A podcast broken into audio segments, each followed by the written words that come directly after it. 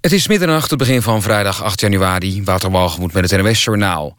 Het KNMI heeft code rood voor Groningen ingetrokken. De gladheid is zo goed als voorbij. Wel kan er in Groningen, Friesland en Drenthe... tot in de ochtend nog wat plaatselijke gladheid voorkomen... door sneeuw en ijsresten. De afgelopen dagen lag in het noorden van Nederland... het openbare leven deels plat door de IJssel. Dat heeft volgens de ondernemersorganisatie VNO-NCW Noord... tientallen miljoenen euro's gekost. Er waren volgens het Verbond van Verzekeraars relatief weinig ongelukken. Veel mensen waren vanwege code rood erg voorzichtig. Israëlische militairen hebben op de westelijke Jordaan-oever... vier Palestijnen doodgeschoten die hen aanvielen met een mes. Sinds oktober zijn er in Israël en de Palestijnse gebieden... veel gewelddadigheden over en weer. Daarbij kwamen 21 Israëliërs en 83 Palestijnen om het leven. De man die vanochtend in Parijs agenten wilde aanvallen met een mes... was een 20-jarige Marokkaan, meldt een Franse nieuwszender. De politie kon hem identificeren aan de hand van zijn vingerafdrukken. Die waren bekend vanwege een arrestatie in 2013. De aanvaller werd vanochtend door de politie doodgeschoten. Hij had een boodschap van IS bij zich... waarin de verantwoordelijkheid voor de aanslag werd opgeëist. De coalitiepartijen zijn verdeeld over bouwen aan de kust. De VVD wil net als het kabinet de regels versoepelen... maar de PvdA is tegen. Volgens die partij is bebouwing een aanslag op de duinen... en zonde van het ongerepte gebied. Minister Schultz wil het bestaande bouwverbod versoepelen... omdat dat goed zou zijn voor de economie.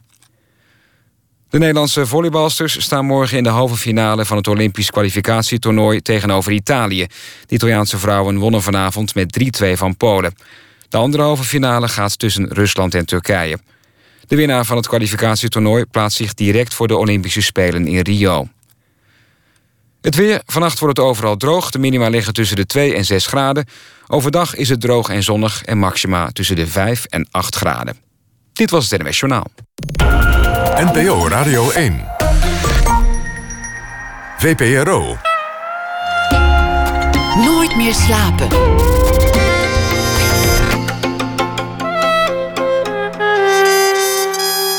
Met Pieter van der Wielen. Goedenacht en welkom bij Nooit meer slapen. Dood gaat iedereen uiteindelijk. Maar wat als de diagnose gesteld is en de termijn al bekend?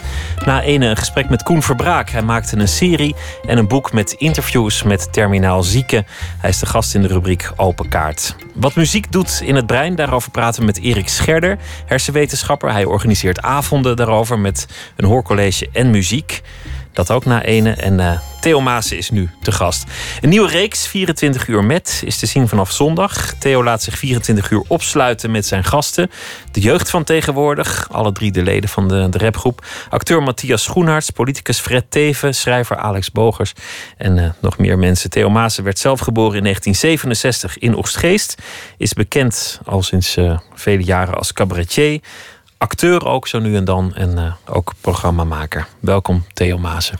Dankjewel. Ja, het is niet belangrijk, maar ik ben geboren in 1966. Ik ben nog ouder. Oh, 66, nog ja. ouder. Dan heb ik je nog een jaar gematst. Ja. Wel in Oegstgeest. We hebben dezelfde geboorteplaats ja, voor, wat het, dat, voor wat het waard is. Ik noem je ook programmamaker. Ik, ik vraag me eigenlijk af hoe, hoe jij met die rol bent. Want, want je probeert volgens mij in 24 uur met niet een interviewer te worden zozeer. Hoe, hoe zie je dat? Nee, ja, dat zijn maar woorden. Zo, zo belangrijk is dat niet. Maar nou ja, het maakt wel uit voor, voor wat je rol is en wat je daar doet. Ja, dit, ja het is een ontmoeting tussen twee mensen. Waarbij um, het gedeelte van wat die ander zegt uiteindelijk uh, uh, de uitzending haalt. Maar het, het, het zijn wel echt uh, ja, gesprekken. Het is een ontmoeting. Ik ben een ontmoeter, een professioneel ontmoeter. Maar echt de interviewer uithangen, je, je voorbereiden, denken van nou die vraag ga ik stellen, die vraag ga ik niet stellen. Ik heb de indruk dat je daar soms een beetje mee worstelt, omdat je, dat je toch meer iets theatraals wil of iets, iets puurders. Ja, ik ben. Ja. Nou, soms moet het. Bij Fred Teven. Ik ben niet iemand die elke dag de krant van voor naar achteren leest. En bij, bij Fred Teven heb ik me wel echt goed voorbereid. Dat ik wist waar ik het over had. En bij een ander vind ik het weer spannender om eigenlijk zo weinig mogelijk te weten. Dus het verschilt ook een beetje per gast.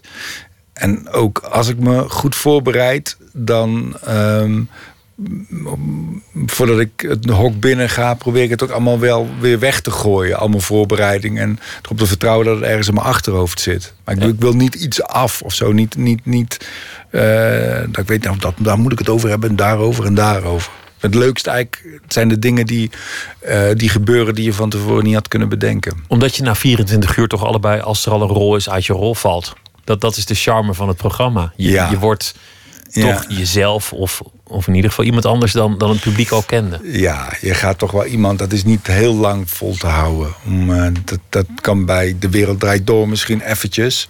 En Maar in 24 uur, ja, lukt dat niet. En als je, want ook als je iets helemaal niet wil, dan zie je dat als kijker ook. Dat iemand dat niet aan het willen is. En dat zegt ook weer wat. Dus het is altijd onthullend in wezen. Je was ooit zelf te gast, nog bij Wilfried de Jong. En toen zei je na afloop tegen de eindredacteur... als jullie ooit iemand zoeken, als Wilfried ooit stopt... als hij er ooit genoeg van heeft, bel mij dan. Zo is, zo is het precies eh, gegaan. Dat ga, dat ik dadelijk trouwens ook zeggen te- tegen... Tegen hier? Ja, te- misschien, misschien kap ik er op een dag wel mee. tegen hier. Ja. Maar nee, maar zo is het echt gegaan. Ik vond het zo'n magische formule. Ik dacht van hier kan zoveel. En er is zoveel vrijheid en zoveel mogelijkheid. En ik vond het, ook, ik vond het zelf ook zo leuk om daar te zitten toen met Wilfried. Dat ik dacht, ja, dat, ik, ja, dat ik dacht nee, dat, dat ik mezelf dat wel zag doen. Om van 24 uur met iemand te zijn en te kijken wat er gebeurt. Ja, En te improviseren, want, want dat is natuurlijk ook... het is ook een langgerekte 24 uur improvisatie. Dat, dat, is, dat is het ook echt. En het is ook hangen. Alleen normaal gesproken doe je dat meestal... ehm, ja, pff, ik ben nou ook eh, 49 en ik heb kinderen. En dan, maar, maar, maar het is heel erg wat je vroeger met je vrienden deed. Ook gewoon hangen en ook niet weten wat er gaat gebeuren... en wat je gaat doen en een beetje je vervelen. Alleen dan met mensen die je niet kent. Wat, wat wel een mooie spanning eh, geeft. Ik heb er drie al eh, gezien in een soort ruwe mo- montage. Je ziet de jeugd van tegenwoordig. Die, die zijn het hangen wel gewend. Van kleedkamers en tourbussen. En, en dat is in, in de, in de rock'n'roll nou eenmaal dat je veel moet wachten. Ik zag ze de kip blussen met Veuve Clicquot champagne. Daar had ik een eigen mening over. Maar het was, was leuke televisie. Fred Teven, die ontzettend onhandig is. Dat nam me wel in voor hem. Dat, dat, dat, dat het een beetje een kluns is. Ja, dat is die zeker ook, ja. Ja, ja. Dat, dat is iets heel anders dan, dan puur de inhoud. Maar dat, dat, dat zegt natuurlijk toch iets over de man, die onhandigheid.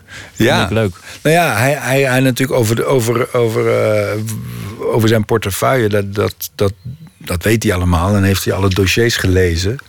Maar ehm, als ik hem vraag eh, of hij vroeger handig was met meisjes, ja, dat staat in geen dossier. Dan, dan, dan moet hij ook. En dat wil hij ook en dat doet hij ook. Gewoon oprecht antwoord geven. Maar dan heeft hij niet meteen een mooi verhaaltje paraat. En dan zie je hem ook zoeken naar woorden. En eh, ja, dat is, ik vind het ook heel, heel mooi. En, eh, En voor het slapen gaan werd, werd hij onzeker over de vraag of hij niet saai was. Dat, dat vond ik ook een kant die je van hem niet vermoedde. Hij was de politicus, hij, hij had zijn mening over, eh, over de commissie wel klaar. Hij wist precies hoe hij dat moest formuleren. Jij probeerde daar doorheen te prikken, maar daar was hij toch wel goed in. Mhm. Maar voor het slapen gaan vraagt hij dan ineens aan jou: Vind je mij eigenlijk saai? Zullen we luisteren naar een fragment daarvan? Dat, dat Theo voor het slapen gaan aan jou ineens ja, zijn bedenkingen gaat stellen. Ja, het, het is een beetje zachtjes, omdat het, eh, om- omdat het op fluisterende toon in dat hok gebeurt. Ja, wat natuurlijk maf is, dat vaak ben ik hier met een, eh, een rapper of een schrijver of een acteur. En het werk van die mensen is vaak juist om dat wat ze. Wat, ze, wat er allemaal in, in die mensen speelt, om dat via tekst of dingen naar buiten te brengen. Dus die leggen al hun zielenroerselen bloot, juist. Maar bij jou is het natuurlijk vaak zo dat je dingen, dat dat, dat juist niet. En, en dat snap ik ook volledig. Maar dat het gewoon niet altijd kan. Nou, ik ben toch niet zo heel saai hoor. Dat valt toch wel mee. Nee, niet saai. Je hoort toch wat ik zeg? Het Ja, ik gaat, hoor wat je zegt. Ja, het gaat over dat je. Ja, je hebt ook een hoop gebieden. Ja, daar kan je gewoon niks over zeggen. nee.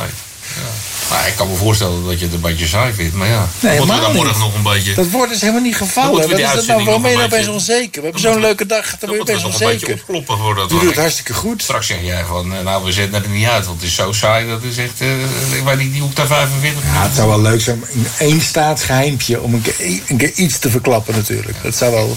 En toen probeerde je toch nog, kom op, Fred, één Ah.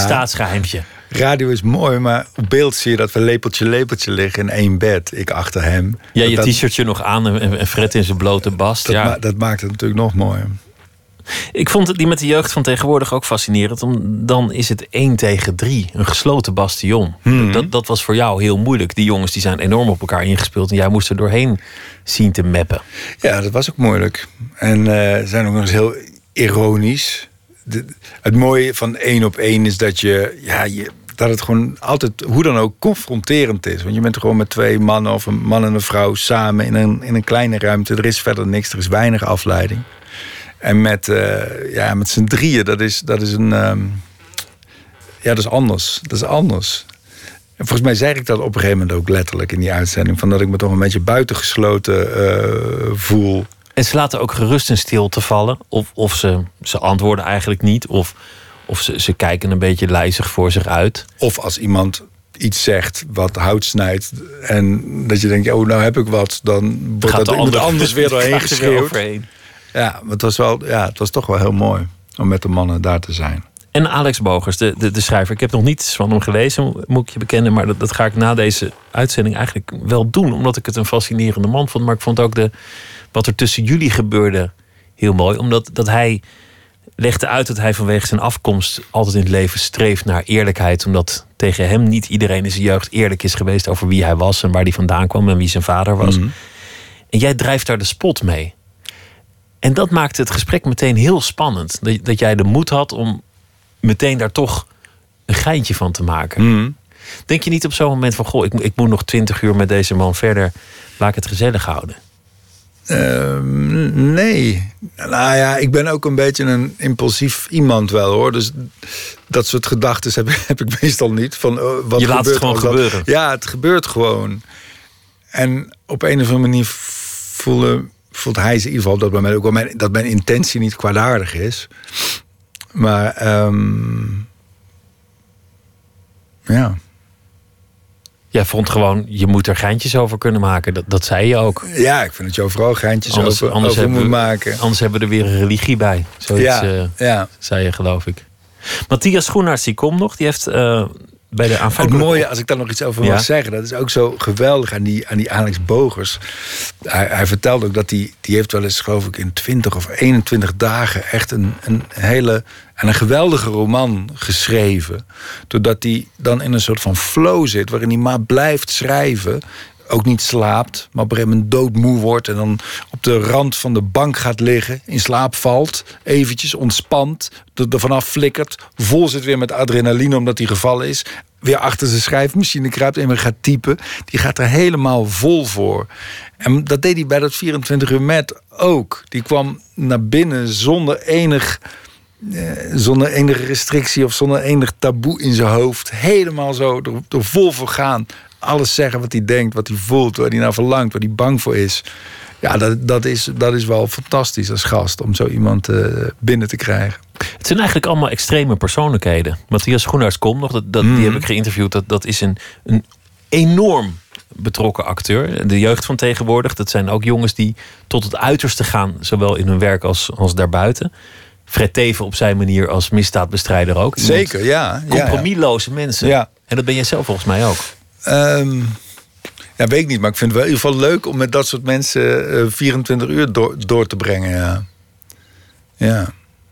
We gaan luisteren naar Elvis Presley, want het is zijn verjaardag. En eh, daarna gaan we het ook over andere dingen hebben. Anders dan eh, geven we alles al weg van, van de hele serie die er nog aankomt. Want hij zou 81 zijn geworden als hij niet Vandaag. lang dood was. Ja, Elvis Presley. Heb ik begrepen hoor. Het zegt Lotje IJzermans. Ik, ik heb het niet nagezocht. In de ghetto.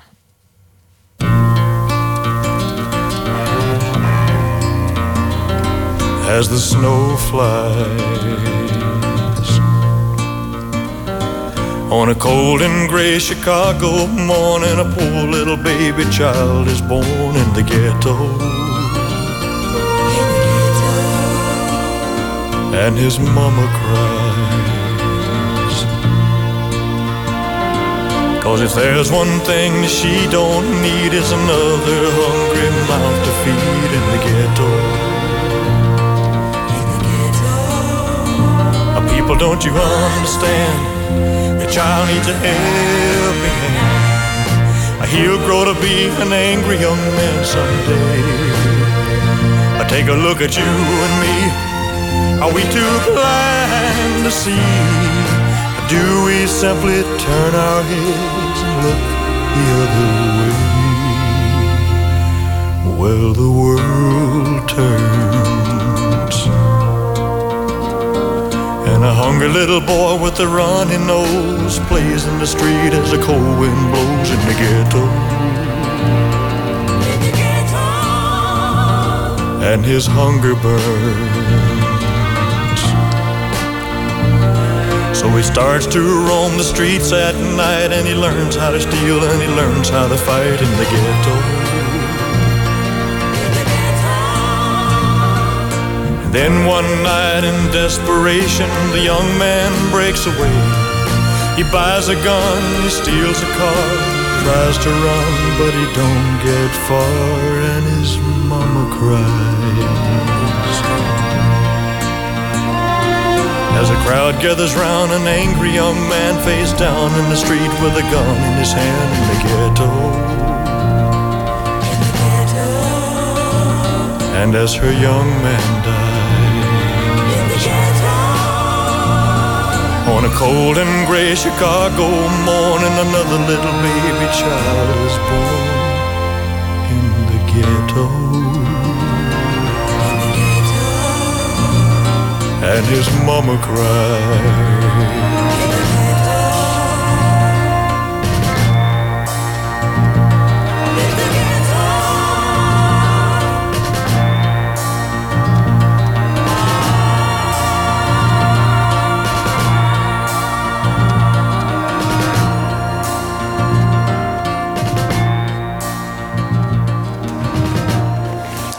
Elvis Presley in de ghetto vanwege zijn eh, verjaardag. eh, vandaag zou dat zijn geweest. Nooit meer slapen in gesprek met eh, Theo Maassen.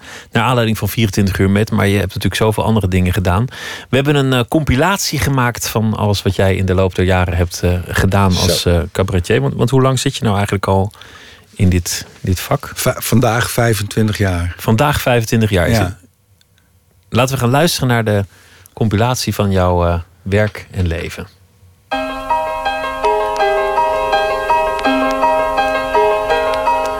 Een vriend van mij, die, die vroeg laatst, en dat is misschien wel exemplarisch...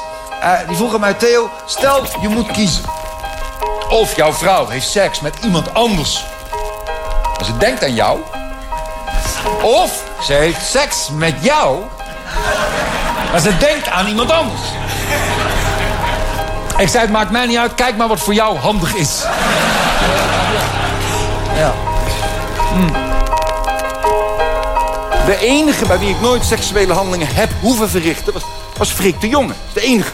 Hoefde alleen maar te zeggen dat hij de beste was... en daar rukte hij zich dan een beetje... eh, ja. Je maakt mij de best niet lauw. Het heeft niet te zitten, zeiken, drie keer raaien. Ja, een vrouw, ze maken mij de best niet lauw. Ik ben een beetje misselijk, omdat ik het ben nou. Ik denk, eh, of je dat nou leuk vindt of niet... maar dat, dat het op dit moment in Nederland... toch echt wel heel, heel belangrijk en, en essentieel is... om toch maar in godsnaam op die partij te stemmen... waarvan de naam dichtst in de buurt komt van mijn favoriete voetbalclub. Yeah!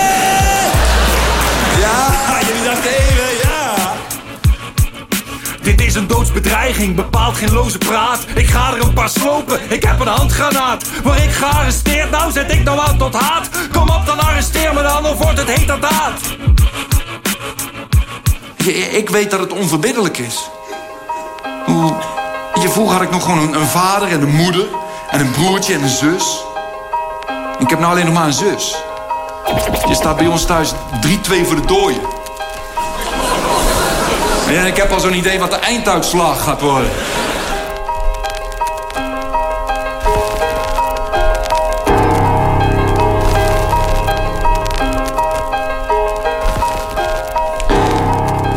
Zomaar een greep uit eh, dingen die je hebt gedaan, eh Ja. The- Theo Maas. Je zegt in het, in dat gesprek met, eh, met, met Alex Bogers...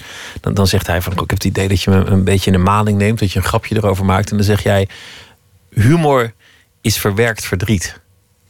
Ja, dat is een beetje een cliché. Humor is gestold Ja. verdriet, Ja. dat hoor je ook nog wel eens. Ja. Ik vond het eigenlijk wel een mooie uitspraak. Ja, Jij noemt ja. het een cliché, maar ik kende hem nog niet. Ja, ik, ik wel. Maar ik ben het er ook wel mee eens. Ik, ik, eh, ik vat hem wel. Maar het is niet voor mij persoonlijk. Dus ik heb hem ook maar ergens gehoord. Maar ehm, ja, ik denk, denk wel dat dat zo is. Ik hoor je hier eh, een grap maken over de, over de dood van je ouders. Hmm. De dood van je broertje heb je al vrij vroeg in je loopbaan ook grappen over gemaakt. Ja. Eigenlijk dingen die jou persoonlijk heel erg hebben geraakt... die kan je vrij snel vertalen naar een grap op een podium... waar dan ook nog om gelachen wordt. Hoe doe je dat? Ja, ik weet niet of mijn hersens altijd al zo gewerkt hebben... of dat je die do- door wat je doet voor werk zo gedresseerd hebt. Maar ja, dat, dat, dat gaat denk ik automatisch. Dus ik kan het denk ik niet goed uitleggen van hoe, hoe ik dat doe. Ehm, ja, dat, dat gaat werkelijk helemaal vanzelf. Maar bedenk je van tevoren, nou, hier moet ik een grap over maken? of komt er gewoon een grap? Nee, er komt gewoon een grap. Dat is wel hoe je, hoe je denkt. Ik denk dat ik het moeilijk zou vinden om over welk onderwerp dan ook iets te schrijven van een pagina en dat dat dan niet op een of andere manier ook grappig wordt. Alles wordt gewoon uiteindelijk grappig bij jou. Nou ja, ook. Niet alleen maar, maar, maar ook. Je, je vertelt ook heel veel over, over meningen die je hebt, over verontwaardiging die je voelt, Hmm. angsten die je, die je voelt, ook over, over politiek, over, eh, over de samenleving. De humor, de grap blijkt vaak toch uit, uit iets heel duisters te komen. Uit iets wat misschien helemaal niet zo vrolijk is. Ja, ja als ik een programma maak, dan, dan eh, ja, is dat wel een verzameling van ideeën en van, van eh, opvattingen en, over, en gevoelens die ik heb over mezelf, mijn eigen staat van zijn. En de, ik heb ook wel het idee dat dan mijn laatste programma's wel heel graag veel gaan ook over de staat van zijn van, van Nederland. Ehm, ja, en dan, als ik dan gedwongen word omdat ik iets moet gaan maken om erover na te denken, dan wordt dat meestal wel duister en donker, ja.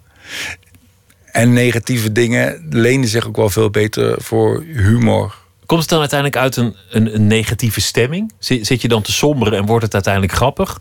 Of werkt dat ook weer niet zo? Eh, Ja, een beetje wel. Ik ben ook wel een klager, geloof ik. Ik kan, ik kan ook wel goed klagen. En, maar dat wordt dan op een gegeven moment ook wel weer grappig. En ik vind het ook wel een, Dan treed je uit je eigen geklaag en denk je van, nou ja, eh, nu ga ik het relativeren. Nou, nee ik, ik- nee, ik blijf wel gewoon klagen ook. Onder, onderwijl.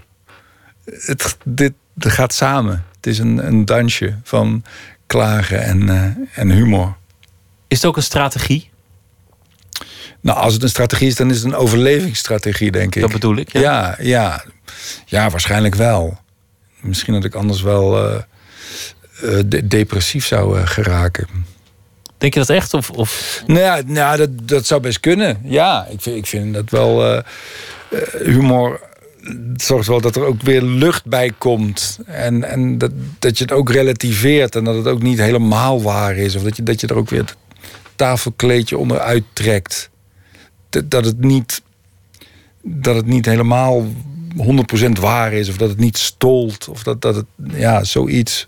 En dat is eigenlijk ook wat je Probeer bedoelde. ook eh, te zoeken naar woorden. Hè. Ik Nee, maar dat is, ook, dat is eigenlijk wat je ook bedoelde tegen, tegen eh, Alex Bogers. Hij vertelt over zijn jeugd en, en dat, Hmm. dat iedereen tegen hem loog. En mensen tegen hem zeiden, je had nooit geboren mogen worden. En heel pijnlijke dingen. En jij houdt hem eigenlijk ook de spiegel voor. Van, nou, als we er niet meer om mogen lachen, dan, dan, dan geef je het op. Dan heb je, dan heb je het zo verabsoluteerd. Ehm, ik weet niet, heb ik dat tegen hem gezegd, ja? Ik weet het echt niet Nou, je zei, je, ja. je moet er toch een geintje over kunnen maken. Want, want, want als we gaan streven Ja. naar, naar de zuivere waarheid, dan wordt het ook eng. Ja, precies. Dat ging over die zuiverheid, ja, die voor hem zo belangrijk was. Ja, dat, dat, dat, ja bij zo'n begrip zie ik daar meteen de, de, de nadelen van of zo. Of de, de, de, ja, het, Het religieuze. Ja, of het grote gelijk vooral. Want Dus dat is- waarheid, zuiverheid. Het Ja. grote gelijk, dat, dat past niet heel erg bij jou. Je bent niet iemand die de waarheid in pacht heeft. Je, je, je staat niet op het podium als, als, een, als een priester of een man met een groot ideaal. je weet het zelf volgens mij meestal ook niet echt. Nee, ik, vind- ik vind het wel interessant. Ik vind het wel theatraal interessant om hardop te twijfelen, ja. Vind ik interessanter dan eh, het, het zeker te weten. En ik, weet, ik zou ook dan niet weten wat ik zou moeten zeggen, want ik weet het ook niet zeker. En ehm, ik, heb, ik heb een vriend, die, die, die regisseert mij ook. En die, eh, als ik met een probleem zit en dan zegt hij, vraagt hij wel eens van tevoren... Ja, welke kant wil je het opgeredeneerd hebben? En zo is het ook vaak. Met Je kan alles van twee kanten bekijken. Eh, ja, en, als je, en dat is wel een gezonde houding. Als je het maar van één kant bekijkt, dan, dan, ehm, ja, dan kan het eh, misgaan of zo. Kijk je dan ook wel eens terug op dingen die je gezegd hebt op het podium of elders en denkt van nou, dat vond ik toen, maar daar denk ik nu heel anders over? Of, of heb je wel spijt Nee, van ik de kant die je ik geloof ik nergens spijt van. Maar ik kijk dingen ook niet terug, eerlijk gezegd. Je kijkt niet om. Nee, nee, ik vind het, net, nee, ik vind het ook niet fijn om zelf per se eh, terug te zien. Nee. Soms is het hard. Je, je, dat, dat- is een verwijt dat je wel eens wordt gemaakt. Ik, ik, ik vind humor bestaat eigenlijk maar in twee categorieën: grappig en niet grappig. Ja. En als het niet grappig is, is het geen humor meer. Dus eigenlijk bestaat er maar één soort humor, namelijk grappige Ja, humor. om te lachen. Maar mensen verwijten wel eens dat het hard is. Of, of dat je mensen raakt of kwetst. Is dat iets wat jou bezighoudt? Nou, ik geloof dat, dat, dat de werkelijkheid altijd veel harder is dan welke grap je er ook maar over kan maken. Dus volgens mij is het, als je, is het eigenlijk altijd eh, verzachtend of troostend. Maar misschien niet als je de werkelijkheid niet onder ogen wil zien. Dan is die grap confronterend en, en, en heel hard. Terwijl wat er echt aan de hand is, is altijd natuurlijk veel en veel harder. En als het over personen gaat, als je, als je iemand een grap over iemand maakt. Hmm. Als iemand dat bij jou zou doen, zou het waarschijnlijk toch ook nog wel ergens in je onderbuik prikken. Ehm, Of is dat niet zo? Mm, Ja, misschien. Maar ja, je moet ook wel een beetje kunnen incasseren. Als je, als je uitdeelt, dan, mag, dan mogen best grappen gemaakt worden over mij hoor. En ik vind dat ik ook grappen mag maken over, over andere mensen. Dat weet ik dat je dat vindt, want dat heb je wel eens gedaan. Ja, ik heb wel eens gedaan. Ja, heel vaak. Volgens mij zitten in elk programma allerlei grappen over, over verschillende mensen ook. Maak je dat dan onzeker als je iemand tegenkomt? Of denk je dan van, oeh, daar heb ik nog een keer wat, iets over gezegd? Of, of... Nee. Nee. Eh, maar misschien kom ik ook niet zoveel mensen tegen. Maar ik zou niet weten bij wie ik dan... Nee. Jij, bent- jij wel? Nee, nou ja, nee, ik, ik maak nooit hele harde grappen over mensen. Dan Nee. niet, niet, niet, Nee. niet op de radio of, of dat soort dingen. Ik kan me herinneren, Patricia Pai, die in de, in de Playboy stond op de 60ste. En, en toen, dat was dan tv, dat was niet in Ja, het programma. ja. Eh, net hoorde we Freek de Jonge langskomen. Dan, dan, eh, ik, ik vraag me af. Nee, of, Freek dan, heb ik regelmatig nog gezien. Die, die, die, eh, kan nog, die kent het vak, dat is iets anders. Ja, ja. Ik vind het interessant omdat je een twijfelaar bent. En, en Nee, dan toch maar- af en toe hard uit de hoek kan komen. Ja, maar je ja, misschien de volgende dag er weer heel anders over denkt. Ja, maar ik vind het wel leuk. Ja, je, moet, je bent ook aan het. eh, eh, ja, als je het dan vergelijkt met vechtsport, eh, deel je verschillende soorten stoten uit. En je hebt schijnbewegingjes, je hebt je plaagstootjes, je hebt een keer een iets hardere stoot, een uppercutje. En ja, dat moet ook. Die, die horen er allemaal bij. Dat is, het- dat is je arsenaal, dat is je palet. En ehm, ik, ja, ik hou er ook gewoon van, denk ik, van harde grappen. Ik denk dat mensen het van jou pikken om, omdat ze eigenlijk zien dat, dat het ook niet echt uit een soort woede, haat of negativiteit voortkomt, maar om- omdat je ook wel weer je, je eigen zullige of kwetsbare kant laat zien. Ja, misschien helpt dat wel. Waardoor mensen het accepteren. Ehm, ja. Het is een wonderlijk beroep, want eigenlijk je hebt geen instrument, je hebt geen decor, je hebt niet een bandje achter je staan, je hebt niet een, een nou ja, allerlei eh, requisieten die je kunt gebruiken. Je hebt alleen maar de man en zijn stem. Jij, jij creëert elke avond een wereld waarin ineens van alles mogelijk is. In een soort intimiteit op dat podium. Ja, het is heel minimalistisch. Wat ehm, vorm betreft, ja, bijna vormeloos. En de, en de inhoud wordt de vorm, het verhaal wordt de vorm. En ik, ja, ik vind dat altijd wel mooi. Een man alleen op een podium, op een bijna kaal podium, die, die een verhaal vertelt. Het heeft eigenlijk ook iets heel ouderwets, hè? Mensen komen naar een zaal om, om te luisteren naar één man met een verhaal. En, en hopen dat ze ook nog kunnen lachen. Maar alleen lachen is niet genoeg. Dan is het niet een geslaagde avond. Ja, voor mij niet. Maar ik- ja, ik weet niet. Er zijn ook een hoop eh cabaretiers die, die ik ook heel goed vind. En die, eh, Die dat wel kunnen. Die dat, Ja. ja. die dat doen en kunnen. En eh, dat is ook goed. De eerste keer dat je dat gaat doen, op een podium staan in je eentje en, en een verhaal vertellen. Een avondvullend programma. Mhm. Voordat je daar staat, dan moet er toch een moment zijn dat je twijfelt of, of het je gaat lukken, of je dat wel kan. Ja, in, in het begin van je carrière ben je, ben je er ook wel iets onzekerder over. En is bestaansrecht ook een grotere vraag? Van klopt het wel dat ik hier sta? En toch heb ik soms ook het idee dat ik een soort Obelix ben die in een ketel is gevallen met, eh, met zelfvertrouwen. En het voelde zo vanzelfsprekend ook dat ik, eh, dat ik dat deed en dat ik dat, ja, dat ik daar stond. Was het anders op het podium dan daarbuiten? Durfde je meer zodra je daar stond, zodra het licht aanging? Nee, ik ben niet heel introvert ook buiten. Want die heb je ook wel van mensen die veel introverter zijn daarbuiten en op het podium opeens opbloeien. ik, ik heb dat niet zo. Nee, ik kan dat buiten het podium ook wel hebben of doen. Ben ik wel wat rustiger en niet zo grappig, want dan heb ik er allemaal niet zo lang over nagedacht. De, de grapdichtheid is wat lager. Maar eh, ja, dan, ik lijk ook wel op die man op dat podium. We hadden het over de, gasten die je in 24 uur met hebt. En het zijn allemaal mensen die heel ver gaan in, in hun werk. Mhm. Of in hun kunst, of, of wat ze ook doen. Die vaak ook een, een extreme persoonlijkheid hebben. Dat hangt daarmee samen. En toen, Ja. toen vroeg ik volgens mij, of ik zei eigenlijk, volgens mij heb jij dat ook. Daar, daar fietste je nog een beetje overheen, maar volgens mij Ja. is het gewoon zo. Ja, ik vind het ja, extreme persoonlijkheid. Je bent geen gematigde man, bedoel ik. Ehm, nou, als het om alcohol gaat bijvoorbeeld wel.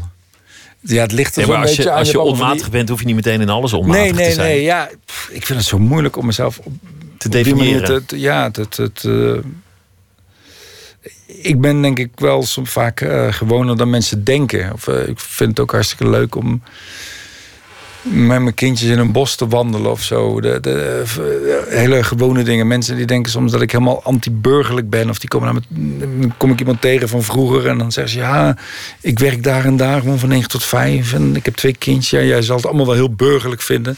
En dat denk ik dan helemaal niet. Ik denk alleen oh leuk. En, dus mensen hebben ook wel volgens mij iets extremer beeld van mij dan ik daadwerkelijk ben. Maar ik weet het ook niet zo goed hoor. Of ik eh, extreme persoonlijkheid. Ik ben wel een lastig mannetje geloof ik. Ja, voor anderen soms ook. Maar minder lastig dan vroeger, of, of blijft dat toch een constante? die lastigheid? Ja, ik blijf wel lastig, geloof ik. Nou ik, eh, nou ik er wat langer over nadenk.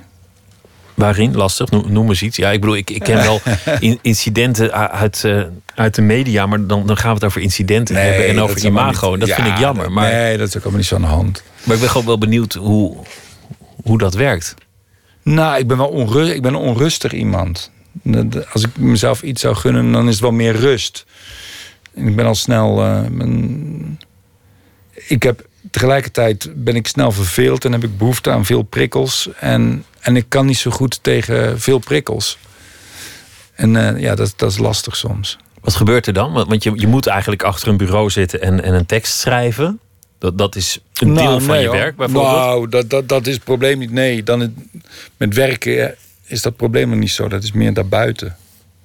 Of nu, weet je denk ik, Word je onrustig? denk je, denk je, van, god, zitten we al lang op een stoel en te praten over... Zullen we het over iets anders hebben? Want je houdt zullen, ook we- zullen niet- we het over jou hebben, Pieter? Ik bedoel, Nee, je, hebt, dat is niet interessant. je, hebt ook, eh, je hebt ook issues. Vast wel.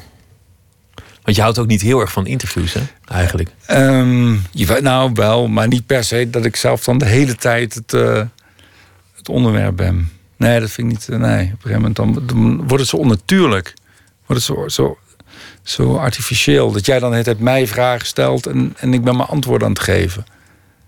Ik vind dat niet zo heel onnatuurlijk. Maar weet, weet je wat? Het, Nee, het is jouw, jouw het, vak. is, het is mijn werk geworden. Misschien is het heel onnatuurlijk en is het voor mij natuurlijk geworden. Zoals voor jou natuurlijk is geworden. Ik weet al die dingen al die ik aan het te vertellen ben. Maar Ja. veel nieuwsgieriger naar hoe, hoe, hoe jij dat allemaal doet. Hier zitten en met jou praten, ja, bedoel ja, je? ja, ja. Dat vind ik zo leuk van 24 uur met. Dat vind ik oprecht het allermooiste. Is dat je, omdat je zo lang bij iemand bent... Mijn, mijn stiekem insteek is ook altijd van... wat kan ik van iemand leren? Wat, wat, wat, kan iemand wat ik niet kan? Wat kun je eruit halen? Of wat, Ja, wat, hoe, ja. hoe, hoe werkt dat? Hoe steekt dat in Ja, elkaar? en dan zit ik daar met zo'n Fred Teven... en dan zit ik ook naar hem te kijken... en dan is hij aan het vertellen... en dan denk ik... En dat zeg ik op een gegeven moment ook tegen hem: van waar ben je toch een ontzettende. Hij zegt, dat is zo'n praktische en pragmatische man. En dan voel ik zo dat ik dat helemaal niet ben. Maar dat heb ik nu met jou, omdat dat ik de indruk heb dat jij, nou jij noemt het onrustig, maar ik heb de indruk dat jij een, een wat extremer karakter hebt dan, dan de meeste mensen. Ja. Zelf, zelf ben ik volgens mij redelijk gematigd. Maar zoals Ja. je zelf net al opmerkt, het is moeilijk om jezelf te analyseren. Wie, bedoel, wat je over jezelf zegt, misschien heb je het wel mis. Weet jij Ja. veel. Maar, maar dat fascineert mij wel. Hoe het, hoe het is om, om een onrustige man te zijn en wat onrust dan is. Ja. En, want volgens mij zou jij je werk ook niet kunnen doen als je een heel gematigd, rustig, stabiel iemand was. Nee, in mijn werk heb ik er denk ik wel profijt van, ja. Dat geloof ik ook wel. Mm, ja. ja? Wat ik ook zo interessant vond, wat ik ook zo leerde, van bijvoorbeeld bij Typhoon had ik het ook en bij die Alex Pogers ook weer. Vaak heb je het met mensen ook, als je zo lang bij iemand bent, ook over iemands afkomst. Hè, waar kom je vandaan, het milieu, de vader en moeder. En dan voel ik zo, ook bij, bij iemand als Alex Bogers, dat dat zo, dat dat zo bepalend is. En als degene die daarnaast staat en met hem praat, denk ik en zeg ik van. Maar la- laat het los. Waarom sleep je dat zo met je mee? Weet je, het maakt toch helemaal niet uit dat jij. Dat je 80 uit een- jaar meeloopt met iets wat de eerste dat 10 jij jaar is uit gebeurd. een arbeidersmilieu komt, zo wat. Weet je, ik kom dan meer uit een middenklasse milieu. Maar dat, we zitten nou toch leuk. Dat, dat, maakt toch, dat zit toch helemaal niet tussen ons in, of dat maakt toch niet uit. En dan langzaam maar zeker kom ik erachter van, ja, het klopt niet wat ik denk. Het maakt, het maakt voor hem uit. Het maakt wel uit. Het doet er wel toe. En dat zijn dan van die inzichten die ik, die ik krijg door zo'n uitzending. En dat, is, ja, dat vind ik te gek. Dat je dat, je dat, dat, je dat... Maar eigenlijk heb jij natuurlijk gelijk. Dat, dat zo'n jongen zijn Nee. hele leven bezig is met, met zijn jeugd. Het, het is eigenlijk jammer van de rest van het Natuurlijk is leven. het jammer, maar het is niet met gelijk. Het, het is gewoon blijkbaar eh, zo. Ik had diezelfde discussie eigenlijk met eh Typhoon, met de rapper. En toen ging het over huidskleur. En zijn moeder die zei, eh, die had tegen hem gezegd als kindje nog... van als je, met een, als, je, als je zwart bent, dan moet je gewoon twee keer zo hard je best doen... dan iemand die blank is. En ik vond het eigenlijk een rotstreek, zei ik tegen hem, dat die moeder dat had gezegd. Want daarmee bestempelt ze hem ook zo. En, en, en creëer je die mindset. En, want het maakt mij oprecht helemaal niet uit dat hij een donkere huidskleur heeft en ik niet. Maar zo simpel is het niet, als ik het denk. Want het is, hij heeft er wel last van. En in allerlei situaties is dat Je wel kunt aan niet weten hoe het voor hem is. Nee, nee. Dus dat, nou, dat is ook zo'n voorbeeld van, van dat ik denk, ja, dat, is, dat vind ik echt fijn. Dat ik, dat, dat ik dacht leer. altijd van jou dat jij een enorme Brabo was. Dat je, dat je kwam uit een Brabants gezin waar, waar, eh, waar in het weekend pils werd gedronken in zo'n Brabants dorpscafé. Waar carnaval heilig was, waar, waar, waar de kerk nog werd, bezocht. En toen las ik ineens bij het voorbereiden Oestgeest. Ja, daar ben ik geboren. En daar komt mijn familie vandaan, van mijn moeders kant. En mijn vaders kant, die komt... En mijn vader heeft de eerste 16 jaar van zijn leven in Indonesië gewoond. Dus ik ben echt een import-Brabander. Wij waren de enige in het dorp die niet katholiek waren. En, eh, dus ja, dat, dat, klopt, dat klopt niet, dat eh, vooroordeel. Maar je heeft het wel met, met enige verve aangemeten, het, het Brabanderschap. PSV, Eindhoven. Ja, ik ben voor PSV en ik woon al, eh, al eh, bijna 30 jaar in Eindhoven. Dus dan, ehm, waar je mee omgaat, daar word je mee besmet. Maar ehm, ja, het is, het, is, het is zoals het is. Ook nog heel even in Duitsland gewoond, in, in je jonge jaren. Stimt. Ja. Stiemt. Waar je volgens mij recentelijk nog een tour hebt gedaan. Dus langzaamaan je, je carrière. daar- Internationaal. Ja, ik speel jetzt ook in Duitsland. Ja. Dat goede Duits, kwam dat eigenlijk nog uit die tijd? Dat jouw ouders daar verteld Na, ich habe die, die, ich habe die Grundschule habe ich in Deutschland gemacht. So, da war ich sechs oder sieben. Also ich habe äh, Schreiben und Lesen habe ich in Deutschland gelernt. Aber ja, mijn woordenschat is niet zo super. Dat is ook van een zes of zevenjarig jongetje. Dus daar heb ik wel een beetje aan moeten spijkeren. Maar de uitspraak gaat. En eh, ja, ik ben ook in Duitsland aan, aan toeren. Wat, wat, wat deed jouw vader eigenlijk? Wat, wat, wat voor omgeving kwam je uit? Eh, maar ja, mijn vader werkte bij de Mars chocoladefabriek. En die eh, ja, dat had hij een of andere man- managersfunctie. Dan moest hij naar de Filipijnen om kokos in te kopen of, of papier voor de wikkels. Wel lekker dingen. concreet. Ja, ja, ja. En dan donderdags dan kwam hij thuis en had hij een personeelsdoos.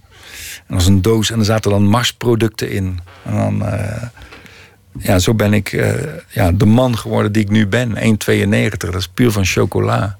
En karamel en, en wat zit er Ja. verder nog allemaal eh, Ja. voor, voor rommel in? Ja. Heb je veel tegen je vader geschopt? Nee, nee. Nou, we hebben wel een tijdje. eh, ik wilde niet echt deugen en, en niet echt leren op school. Dus toen hebben we wel veel conflicten gehad. Hij was bang dat er niks van mij terecht zou komen. Mijn vader is altijd van. Ja, je hebt allemaal goede praatjes. Met, met, met praatjes kun je de kost niet verdienen, jongen. Het is je toch gelukt. Het is me toch gelukt. Ja, Heeft je vader dat nog erkend eigenlijk later? Heeft, heeft hij je nog zien optreden? ja, ja, ja, gelukkig wel, ja. Ja, die was beren trots. Want jullie hadden een hele goede band. Ja, klopt. Ja. Hij is, hij is op een gegeven moment overleden. Je hebt er grappen over gemaakt op, op het podium. Ja, daar wil ik wel mijn excuses Nee, nee, aanbieden. het waren hele goede grappen. Ik flapte het eruit. Het, Nee, eh, nee, het, het waren fantastische grappen. Maar volgens mij kwam het er vandaan dat, dat, dat, dat je er eigenlijk. Dat het je veranderd heeft. Dat het je geraakt heeft. Ja, dat- ja, volgens mij wel. Ja. Wat heeft dat veranderd? Dat, dat, dat je ouders dood waren, dat, dat je broertje weg was. Ja. Ik, ik kan niet het experiment uitvoeren waarin ik hetzelfde leven leid en dat zij blijven leven. Dus dat blijft ook weer lastig. Maar ja, als je veel met de dood wordt geconfronteerd, dan- word je wel ook meer eh, bewust van je eigen sterfelijkheid. En ehm, word je er nog harder bewust van dat, ja, dat tijd en energie schaars is en dat je daar wel iets leuks mee moet doen. En ehm, dat, dat is misschien wel het belangrijkste. Ehm, ja, ik wil, ik heb, wil geen dingen doen die ik niet de moeite waard vind. Of die, ik niet, die, die ik niet leuk vind. Of, Deed je dat daarvoor wel?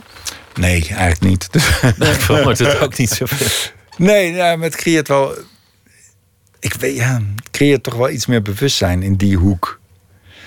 En dat je, ik denk dat, dat, dat ieder kind, ook als je 30 bent en je ouders leven nog, dat je dingen ook een beetje doet om je ouders trots te maken. En om, om te laten zien dat je een goede zoon of een go- goed kind bent. En als, als, ze, als ze dood zijn allebei, dan, ja, dan ben je toch een beetje op jezelf aangewezen. En dan, dan, ja, dan word, word je misschien ook nog wel iets autonomer. Dan, dan weet je dat je het alleen maar voor jezelf doet. Het is ook een bevrijding. Ja, ja op een bepaalde manier wel, ja. Je werd rond diezelfde tijd ongeveer, misschien zit ik een beetje ja, naast met de jaartallen, werd je zelf ook vader. Nou, dat is veel later. Veel later. Ja, dat is wel een jaar of... eh, ja, dat is veel later. Bijna tien jaar later, geloof ik. Ja. Wat heeft dat veranderd? Ehm, ehm, ja, wat heeft dat veranderd? Ja, weet ik ook niet zo goed. Ja, waarschijnlijk ook van alles. Ja, nou ja, dat is ook het cliché Maar ja, wil- antwoord. laat, ik- maar laat ik ook- het gewoon me- meer voor de raap vragen. Je staat nu natuurlijk heel anders op zo'n podium dan je deed in het begin van je loopbaan. Je, bedoel, je bent ouder en, en, eh, en je, je bent vader, je hebt een ander ouder. leven. Hou er toch eens over op. Ja, dat is toch waar? Ja, is ook zo. Ja. Ik ben ouder, vader, wees. Ja, Maar niet gematigder. nee, volgens mij niet. Nee. Ik weet het niet. Gematigder, ja, jij ziet me als een extremist. Ehm, nee. Kom, we gaan luisteren naar Fleetwood Mac. Want die leuk. hebben zo'n mooi liedje gemaakt in 1975 met de titel Landslide.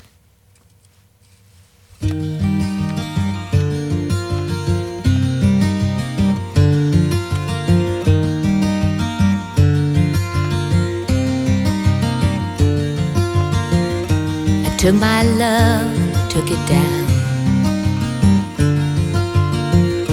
I climbed a mountain and I turned around.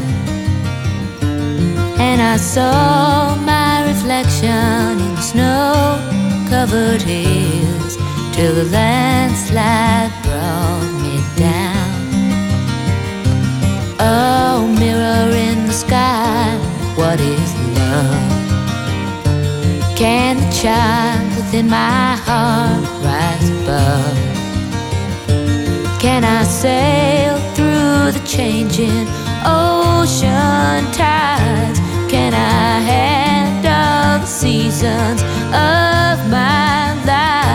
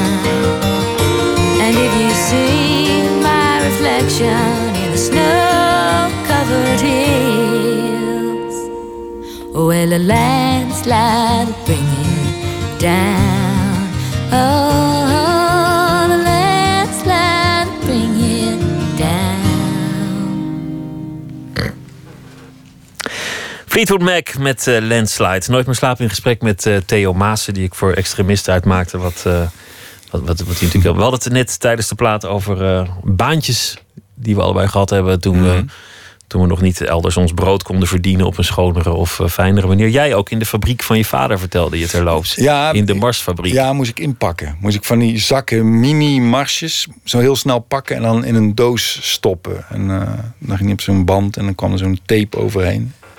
En die herrie en die ge- geur van verse zoete chocola. Hoe lang heb je dat gedaan?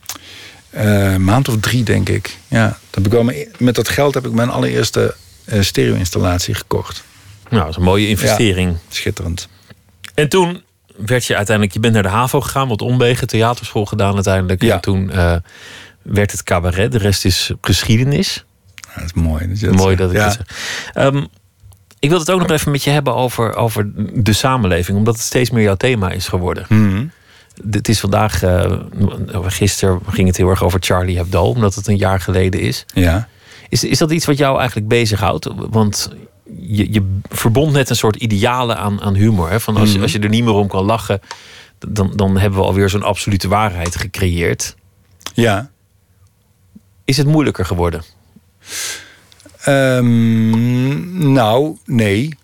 Eh, omdat je, bedoel, je hebt als humorist natuurlijk ook eh, spanning nodig, die ontladen wordt via de lach.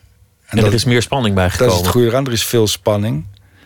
Wat ik wel akelig vind, is dat er een soort tendens... Van de week las ik een interview in de Volkskrant... met notabene een collega van mij, uh, Roué Verveer. En die werd gevraagd, dan, eh, ook naar de Mohammed spotprenten. Die zei ja, ik hou van humor, maar ik hou ook van respect. En dat is niet respectvol, dus het is, eh, is, dus het is niet grappig. En, en dat soort... Dat soort zinnen le- En lees dan zit er toch weer een grens aan, aan ja, lees ik is. steeds vaker. En dat daar schrik ik dan van. Dan denk ik, hoe, kun je, hoe kun je dat nou zeggen? Er zijn mensen doodgeschoten daar om, om die prenten. Ik, ik heb veel meer te doen met die mensen die zijn neergeschoten. Ik heb, Dan met de mensen die beledigd waren waarom ze nodig ja, wapen moesten ja, pakken. dus ik vind dat, vind dat onbegrijpelijk, ja.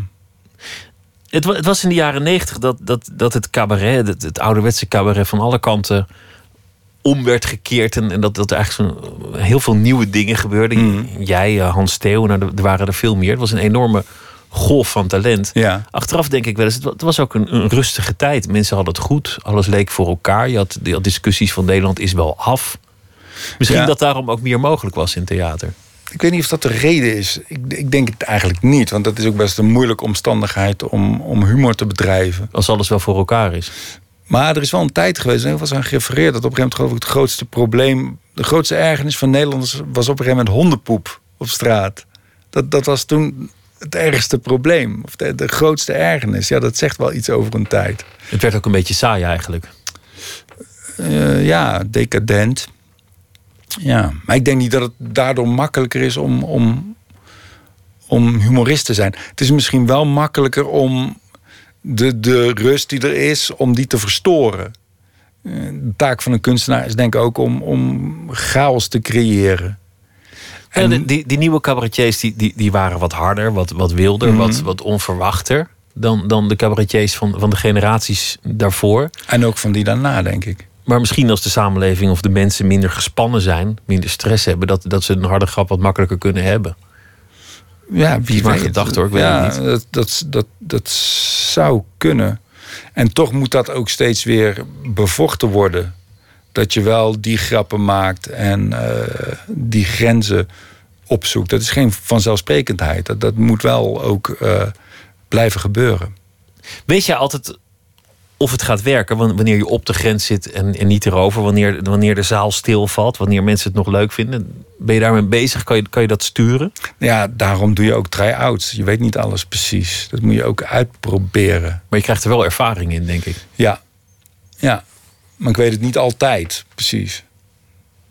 Dan ben je bijna, als je, het, als je het helemaal zou snappen, zou je bijna een soort demagoog zijn. Iemand, iemand die precies de, de menigte kan sturen. Die, die Ja. precies de zaal kan aanvoelen. En Ja, dat is niet mijn ambitie. Kijk, ik heb wel eens een, bijna een hele tweede helft van een programma... heb ik, me, heb, heb ik me dat gepermitteerd of heb ik dat gedaan. Van wat nou als ik, als ik kwaad zou willen... en als ik, eh, dat is een heel, heel lang nummer over wie er allemaal weg moeten uit Nederland. Waarin ik een soort ja, ik weet hem nog. populistisch ga doen... en, en, en daar een heel referaat over hou. En, ehm, maar ja, ja. Hoe is dat nu eh, als je, als je naar in Duitsland eh, aan het werk bent? Hè? Want, want Duitsland is eigenlijk in dat opzicht veel interessanter dan Nederland. Omdat we in Nederland hebben we fortuin gehad en heel veel taboes doorbroken. En, en daar komt ook weer van alles uit voort. Maar in Duitsland lijken ze in, in dat opzicht veel meer in shock te zijn op dit moment. Lijkt die discussie ineens helemaal open te Maar barsten. altijd al, door die Tweede Wereldoorlog, eh, is politieke incorrectheid in Duitsland heel, ja, dat is heel ingewikkeld. Dat, dat, dat ligt is, meteen ontzettend gevoelig. ja, alles is veel krampachtiger. En, eh, dus, dus daar is een, ehm, eh, soms een iets subtielere massage nodig om het te laten eh, eh, stromen. Maar uiteindelijk lukt dat ook wel. Of, of, eh, er is ook een enorme hunkering naar Ja, grappen. iemand die het zegt of, of iemand Ja. die, die erover kan nadenken met, met wat meer vrijheid. Ja, en dat gebeurt nou ook wel hoor, in Duitsland. Ook met, met mensen die film Er is wieder da, een grappige film over Hitler. Een hele komische film. Hitler komt terug en wordt een soort tv-ster eigenlijk. Ja. Nou, die, die zou twintig jaar geleden waarschijnlijk niet gemaakt eh, kunnen Lachen zijn. om Hitler. Nee, Ja. dat, is het dan voor jou anders om daar op het podium te staan? Los van, van dat, je, dat je taal misschien wat minder een thuiswedstrijd is. Maar, maar je, je staat in een andere samenleving waar andere taboes gelden. Ja, en mensen weten niet wie ik ben. Dat is ook een voordeel. Want ben je, je eigen publiek hier heeft dan verwachting. Ja, die hebben al ook een beetje een idee ja, wie of wat ik ben. En in, in Duitsland natuurlijk hebben ze geen idee. Wat ook resulteert in dat niemand komt kijken als ik ergens speel. Dat is dan weer het nadeel. De lege zaal. ja, nou niet leeg, maar weinig mensen. Ehm, maar ja, Nederland is nu ook wel heel interessant, vind ik eerlijk gezegd. Ik ga ook een nieuw programma maken. Ook omdat ik eh, daar heel veel zin in heb. En om, omdat, om, ja, om, om, ik vind het ook een hele interessante en, en eh, rare tijd waarin we leven. Noem eens iets wat, je zo interesseert. Nou ja, er zijn natuurlijk veel clashes en veel kloven tussen, tussen religies en, en, en, en, en de niet-gelovigen, tussen, tussen rijk en arm. Veel De- boosheid heb ik soms Ja, het idee. er is heel veel ongenoegen. En eh, het probleem met de vluchtelingen. Ja, we moeten toch ook wel even bekijken wie we ook alweer zijn. Wie we zelf zijn en, en, En hoe we ons verhouden tot, tot, tot, tot de dingen. Hoe ga je daarmee aan de slag? Want, want je zei net toen je het over Fred Teven had... ik ben ook niet iemand die politiek op de voet volgt... of die elke dag de krant leest. Je, je krijgt het natuurlijk toch wel, wel mee. Nou ja, dat is het ook. ontsnapt er niet aan. Dat is, nou ja, dat is het fijne. Dat is ook, dat is, eh, ik, ik, ik wil meer programma's maken over de tijdgeest dan over eh, de politiek of over de krant of over het jaar. En dat, ja, dat komt alle, op allerlei verschillende manieren tot je. Maar dat is fundamenteler dan, dan de actualiteit zoals Ja. Je het in een oudejaarsconferentie ja, zou maar dat hoor je ook eh, als je je dochter naar ballet brengt en je moet een uurtje wachten en je zit met een va- andere vader te kletsen. Dan, dat is minstens zulke interessante informatie als, als de krant lezen. Is er dan een moment, want dat hoor ik van, van vrienden die wat ouder zijn... dat je afscheid neemt van de tijdgeest? Dat eigenlijk de tijdgeest een bepaalde kant op gaat... en je denkt, nou, ik zie het allemaal wel. Ehm, ja, dat, ik, nou, dat heb ik nog niet. Maar misschien over tien jaar wel. Maar nu niet. Nee, ik heb het idee dat ik daar nog wel... Misschien is dat totaal misplaatst, maar dat ik daar middenin sta. Midden in de tijdgeest? Ja, weet niet, midden in de tijdgeest staan. Ja, ik weet niet wat het wat Ja, het ja. precies... Nou ja, Jij zei het. ik, nou ja, ik, Nee, maar we begrijpen wat we bedoelen, dat, toch? dat, je, dat je eigenlijk tot een andere tijd bent gaan behoren. Dat, dat jouw opvattingen zo anders zijn dan die van de tijd waarin je leeft. Dat je denkt van nou ja, ik vind het eigenlijk ook wel best.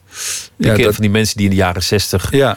hun, hun mentale denkkader vormden. En die op Mhm. een gegeven moment denken van nou ja, Ik vond het, vond het wel best toen. Ik blijf gewoon in die, in die eh, Ja, dat heb ik niet. hangen. Ik heb dat met muziek ook niet. Ik vind, ik vind muziek van nu ook heel gaaf. En eh, het is niet dat ik alleen maar LP's draai uit de jaren tachtig.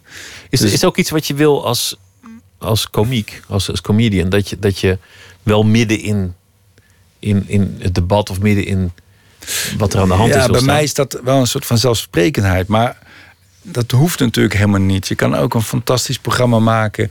En nooit een krant lezen en nooit van je kamer komen. Dat, dat, is, dat is helemaal geen voorwaarde. Maar bij mij is dat wel zo. Hoe hou je het spannend? Nou, na zoveel programma's, Mhm. zoveel keer al die theaters af, met, met je chauffeur naar, eh, naar alle hoeken van het land. Ja, door, ehm, door weer leeg te beginnen en ehm, door ook een, een poging doen om, om jezelf ook opnieuw uit te vinden. En oprecht benieuwd en nieuwsgierig te zijn naar wat je gaat verzinnen en wat er komen gaat. Ik heb zelf ook geen idee. Je bent zelf nieuwsgierig naar het nieuwe programma. Ja.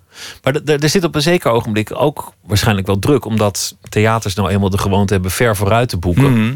Dus, dus dan heb je al getekend. Misschien zijn de kaartjes zelfs al verkocht. En dan, Ja. dan zit jij met, met die leegte voor je. Nou, maar ik ben wel zo iemand. Ik, ik ben zo lafhartig dat ik. Ja, ik zit niet zo in dat systeem van boeken. Dus ik, heb, ik speel dan al veel in Toemler in Amsterdam. En dan. dan heb, ik heb ook al wel wat hoor. Je hebt altijd wel iets voor je begint. Het is niet, ja, niet dat er ik, heb stress wel, komt. ik heb wel een uurtje klaar voordat ik eh, eh, echt ga try-outen. En dan ga ik, eh, heb ik een uurtje materiaal en een half uurtje ga klooien. En dat geklooien wordt dan ook op een gegeven moment wel materiaal. In het begin, dat zei je net, dan, dan is het altijd spannend, want, want je hebt alleen maar jezelf als medium, de, de man en zijn verhaal.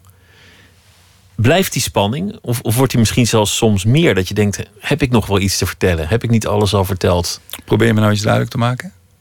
Nee. Oh. Ik, ik, vraag me dat echt af. Want ik, kan me voorstellen dat je op een gegeven moment daar denkt van... nou, ik, ik heb dit jaar eigenlijk niet zoveel te melden. Of ik heb Ja, alles maar al ja, dan zou ik ook geen programma maken. Maar misschien gaat dat wel een keer gebeuren. Of is dat al gebeurd zonder dat ik het weet? Ik, Nee, dat weet je ja, wel. Nee.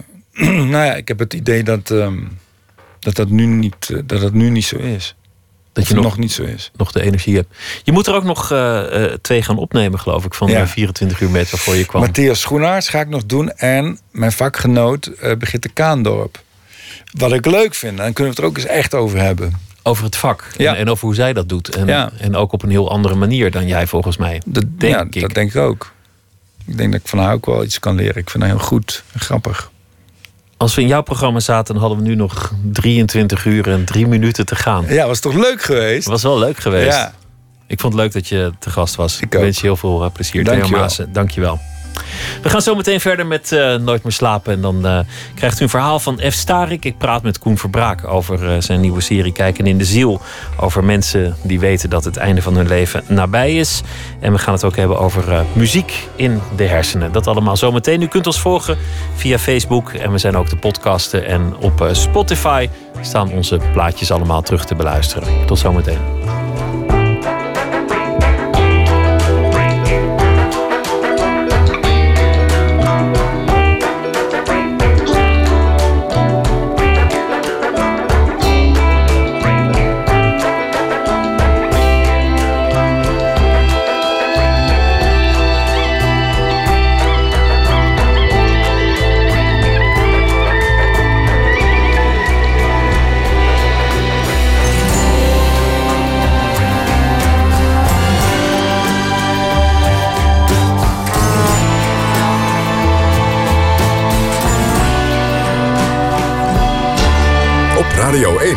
Het nieuws van alle kanten.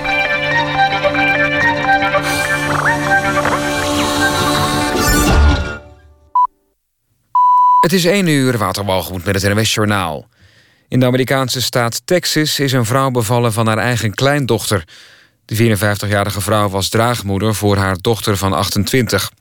De dochter had al verschillende vruchtbaarheidsbehandelingen ondergaan, maar zonder succes. Hoewel de draagmoeder zeven jaar geleden al in de overgang kwam, verliep de zwangerschap goed. Het kindje is gehaald met een keizersnee. Het KNMI heeft code rood voor Groningen ingetrokken. De gladheid is zo goed als voorbij. Wel kan er in Groningen, Friesland en Drenthe... tot in de ochtend nog wat plaatselijke gladheid voorkomen... door sneeuw en ijsresten. De afgelopen dagen lag in het noorden van Nederland het openbare leven grotendeels plat door de IJssel. Dat heeft volgens de ondernemersorganisatie VNO-NCW Noord tientallen miljoenen euro's gekost. Er waren volgens het Verbond van Verzekeraars relatief weinig ongelukken. Veel mensen waren vanwege code rood erg voorzichtig. De man die vanochtend in Parijs agenten wilde aanvallen met een mes... was een 20-jarige Marokkaan, meldt een Franse nieuwszender. De politie kon hem identificeren aan de hand van zijn vingerafdrukken. Die waren bekend vanwege een arrestatie in 2013. De aanvaller werd door de politie doodgeschoten. Hij had een boodschap van IS bij zich... waarin de verantwoordelijkheid voor de aanslag in Parijs werd opgeëist. Michel Platini trekt zich definitief terug als kandidaat-voorzitter van de FIFA. De Fransman is door de ethische commissie van de Wereldvoetbalbond... voor acht jaar geschorst vanwege een dubieuze betaling uit 2011. Platini zegt zelf dat hij niets fout heeft gedaan. Hij vecht de schorsing aan. Maar hij zegt nu ook dat hij door de procedures geen tijd meer heeft... om campagne te voeren voor het voorzitterschap van de FIFA. De verkiezing is op 26 februari. Platini wilde de opvolger worden van Sepp Blatter... die vanwege dezelfde dubieuze betaling ook voor acht jaar is geschorst. Het weer vannacht wordt het overal droog en de minima liggen tussen de 2 en 6 graden. Overdag is het droog en zonnig, maxima 5 tot 8 graden. Dit was het NMS Journaal. NPO Radio 1. VPRO.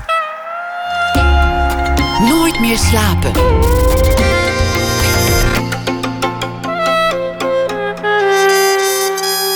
Met Pieter van der Wielen.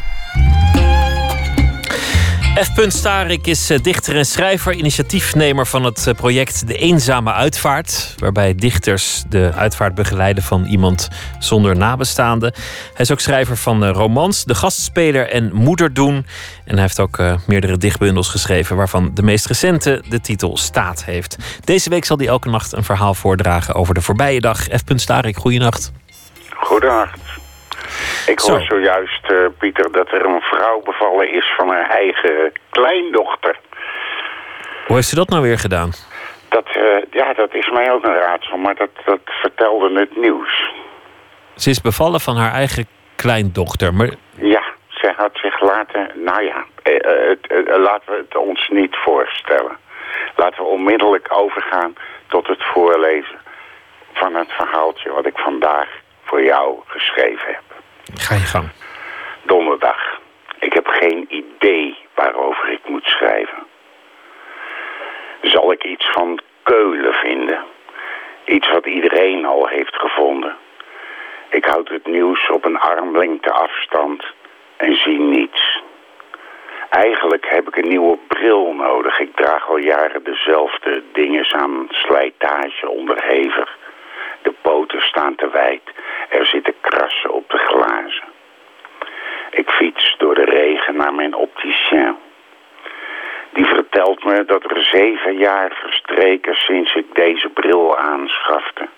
Hij kijkt wat zorgelijk naar het exemplaar, constateert algehele materiaalmoeheid en een breukje in een van de poten. Dat gaat niet lang goed meer, waarschuwt hij. Maar hij zal een poging wagen de bril wat strakker af te stellen. Hij vraagt of ik even tijd heb.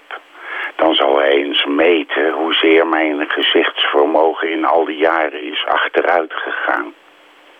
Informeert of ik wel eens een oogarts heb geraadpleegd. Nee, mijn gezicht gaat schuil achter een reusachtig oogmetingsapparaat. Dat hoeft ook niet hoor, zegt hij dan, terwijl hij behendig de lensjes bedient.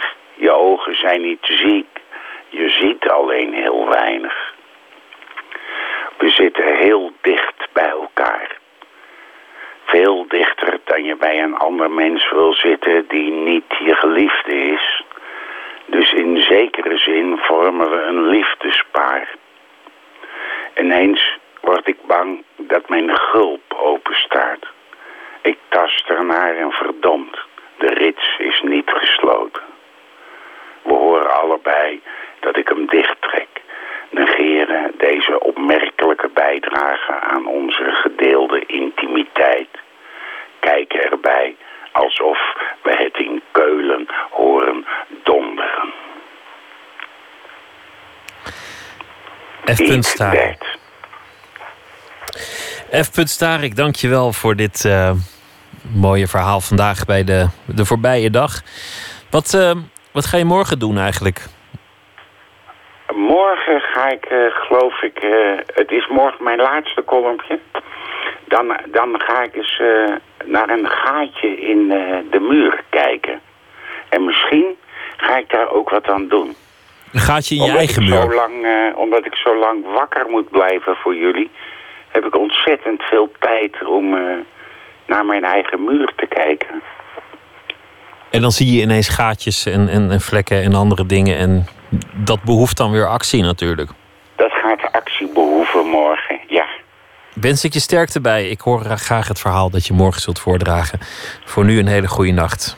Dankjewel. Insgelijks. Hoi. Uit Los Angeles komt Sonia Kreitzer. Zij uh, bedient zich van de artiestennaam Do Paoro. En vorig jaar bracht zij het uh, album After uit, waarop zij een duet maakte met Adam Rhodes. Het duet heet The Wind.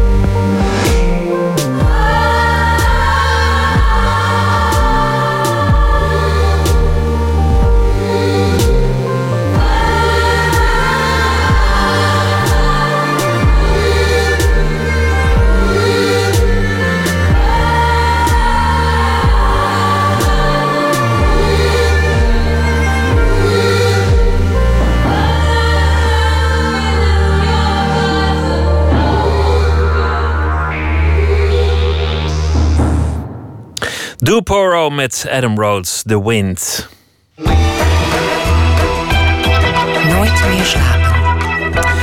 Ode aan Jasper, een theatervoorstelling, maar tegelijk ook een cadeau van een vader aan zijn ernstig gehandicapte kind. Mark Wijnen vertelt in de lange monoloog hoe zijn leven veranderde toen Jasper werd geboren en hoeveel moeite hij moest doen om toch van de gehandicapte zoon te gaan houden. Jasper zelf zit er ondertussen gewoon bij op het podium en gisteren ging de voorstelling in première in Theater Het Postkantoor in Boven Karspel, precies op de 18e verjaardag van Jasper.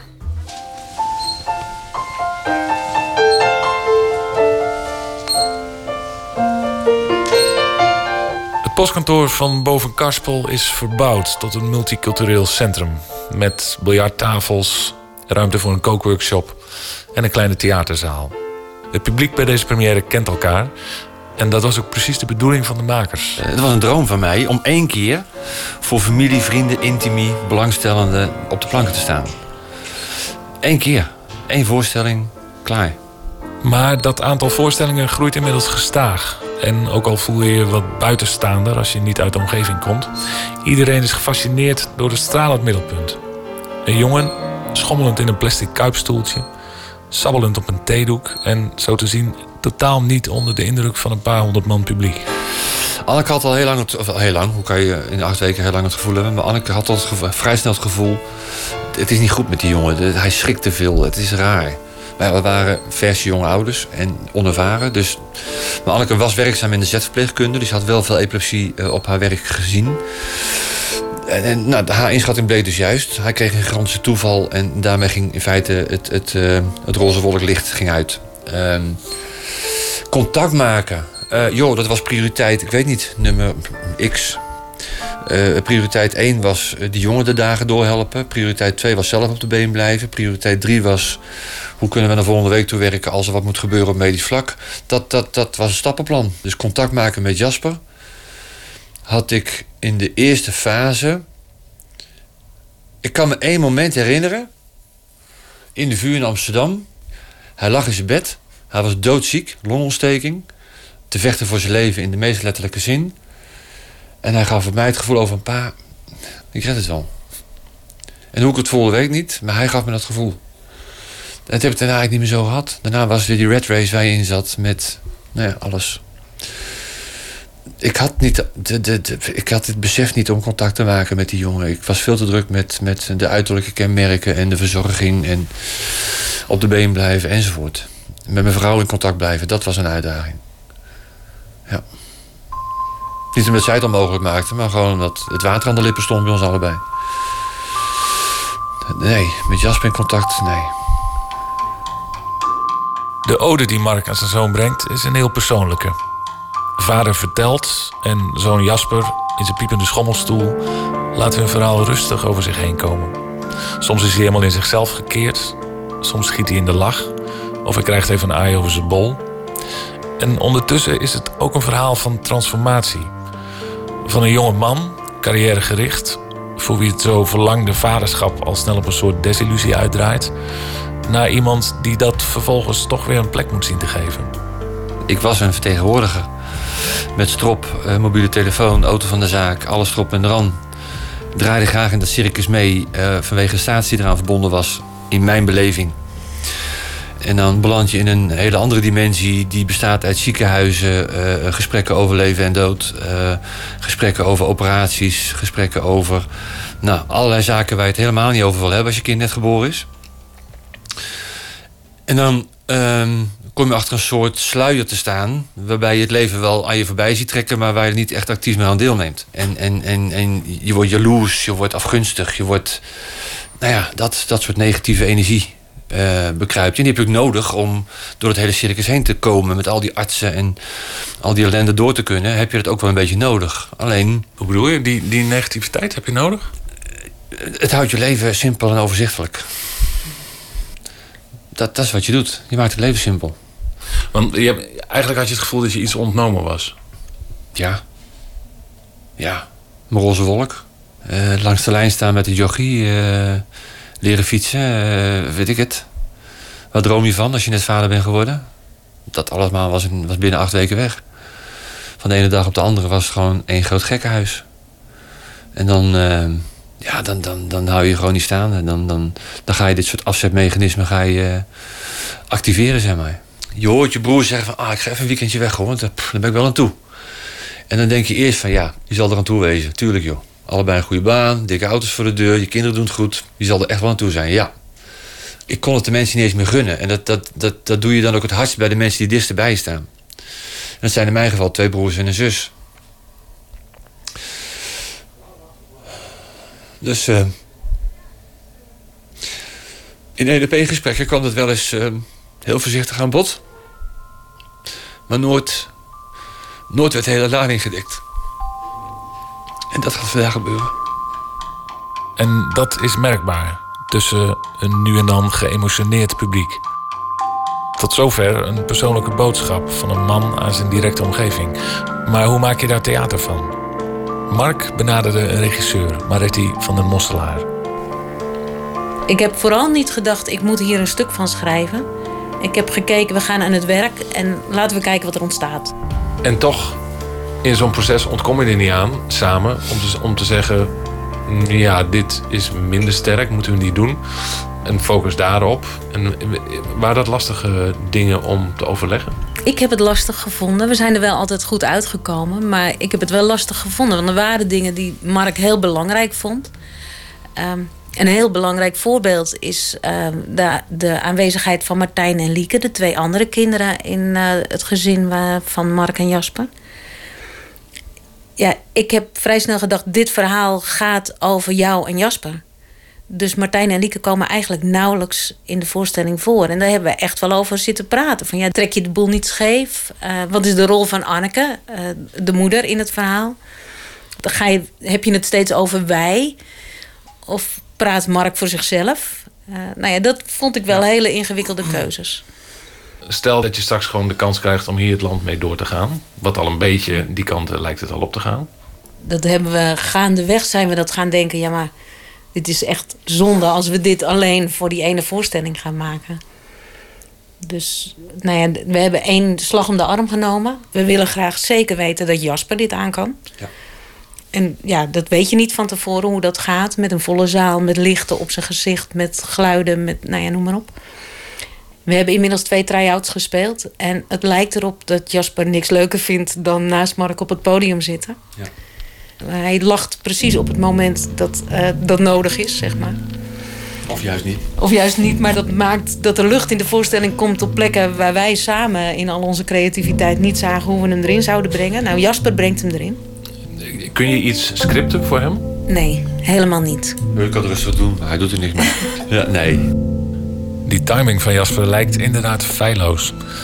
Pijnlijk eerlijk bijvoorbeeld is de uitspraak van Mark dat hij zijn zoon meerdere keren een zachte dood heeft gegund. Voor ieders bestwil. Jasper neemt die bekentenis grinnikend in ontvangst. Met die timing, dan denk ik van ja vriend, je kan me heel veel wijs maken, maar jij weet donders goed wat je doet. Als hij, hij is gespecialiseerd in billen en borsten. Hij is in staat om met één beweging eh, bij iedere begeleidster, eh, ook al is de kooltrui, gloep onder het BH-bandje te zitten, zijn hand terug te trekken en dat gepets te horen. En dan kan hij zo'n gore lach op zijn kop zetten. En van ja man, jij weet echt wel dat je de boel aan stangen bent. Terwijl je op andere momenten ook weer eh, eh, totaal ver weg kan zijn. Ehm, dus het is niet aan te geven dat het een baby is of een kind van drie jaar. Of ik geen idee. Hij is wie die is. En, ga, ga daar nou maar eens een uurtje naar kijken. Ga nou maar eens een uurtje kijken naar iemand die gewoon alleen maar kan zijn wie die is. Kinderen als Jasper hebben een boodschap. Alleen wat vaak gebeurt bij deze mensen is dat hun wereld heel klein is. Ze zijn in hun eigen gezin, ze gaan naar een dagopvang of naar een instelling waar ze wonen. En ze bereiken hun publiek niet. Tuurlijk, dat, dat kleine kringetje bereiken ze wel en hopelijk kunnen ze daar hun boodschap of hun verhaal brengen. Energie kwijt. Maar op deze manier geven we Jasper een, een podium. Hoe creëer je dan de voorwaarden waaronder hij het beste dat verhaal kan uitdragen? Wij sluiten aan op hem. We geven hem een schommelkuip waar hij lekker in zit. We geven hem de veiligheid. Dat als hij het niet trekt, dan gaat hij gewoon van het podium af, speel ik door. Er zit altijd iemand in de zaal die hem al heel lang kent en hem heel lang verzorgd heeft. Vandaag ook. Dus de- aan al die voorwaarden. En als het echt niet gaat, dan gaat hij in de rolstoel in de auto en dan gaat hij lekker naar huis zijn bed in. Punt. En dan gaan we wel zien hoe we er dag verder doorkomen. Is hij zenuwachtig? Jasper? Oh nee. Waar zou hij zenuwachtig moeten zijn? Hij weet niet eens wat hij gaat doen straks. We rollen hem hier naar binnen, we zetten hem in zijn schommelkuip en dat is het. En dan gaan we kijken hoe hij doet. Ode aan Jasper eh, van vader Mark Wijnen. De voorstelling is nog te zien in Alkmaar op 23 januari. En de reportage was van Jan-Paul de Bond. De wijk eh, Molenwijk in de Molenbeek in eh, Brussel. Broedplaats van radicale islam en terrorisme. Er is een film over gemaakt. Black deed heel veel stof opwaaien in België. En de Belgische band Oscar and the Wolf heeft daarvoor de muziek gemaakt. De regisseur is Adil El Arbi. En dit is een versie van Back to Black van Amy Winehouse.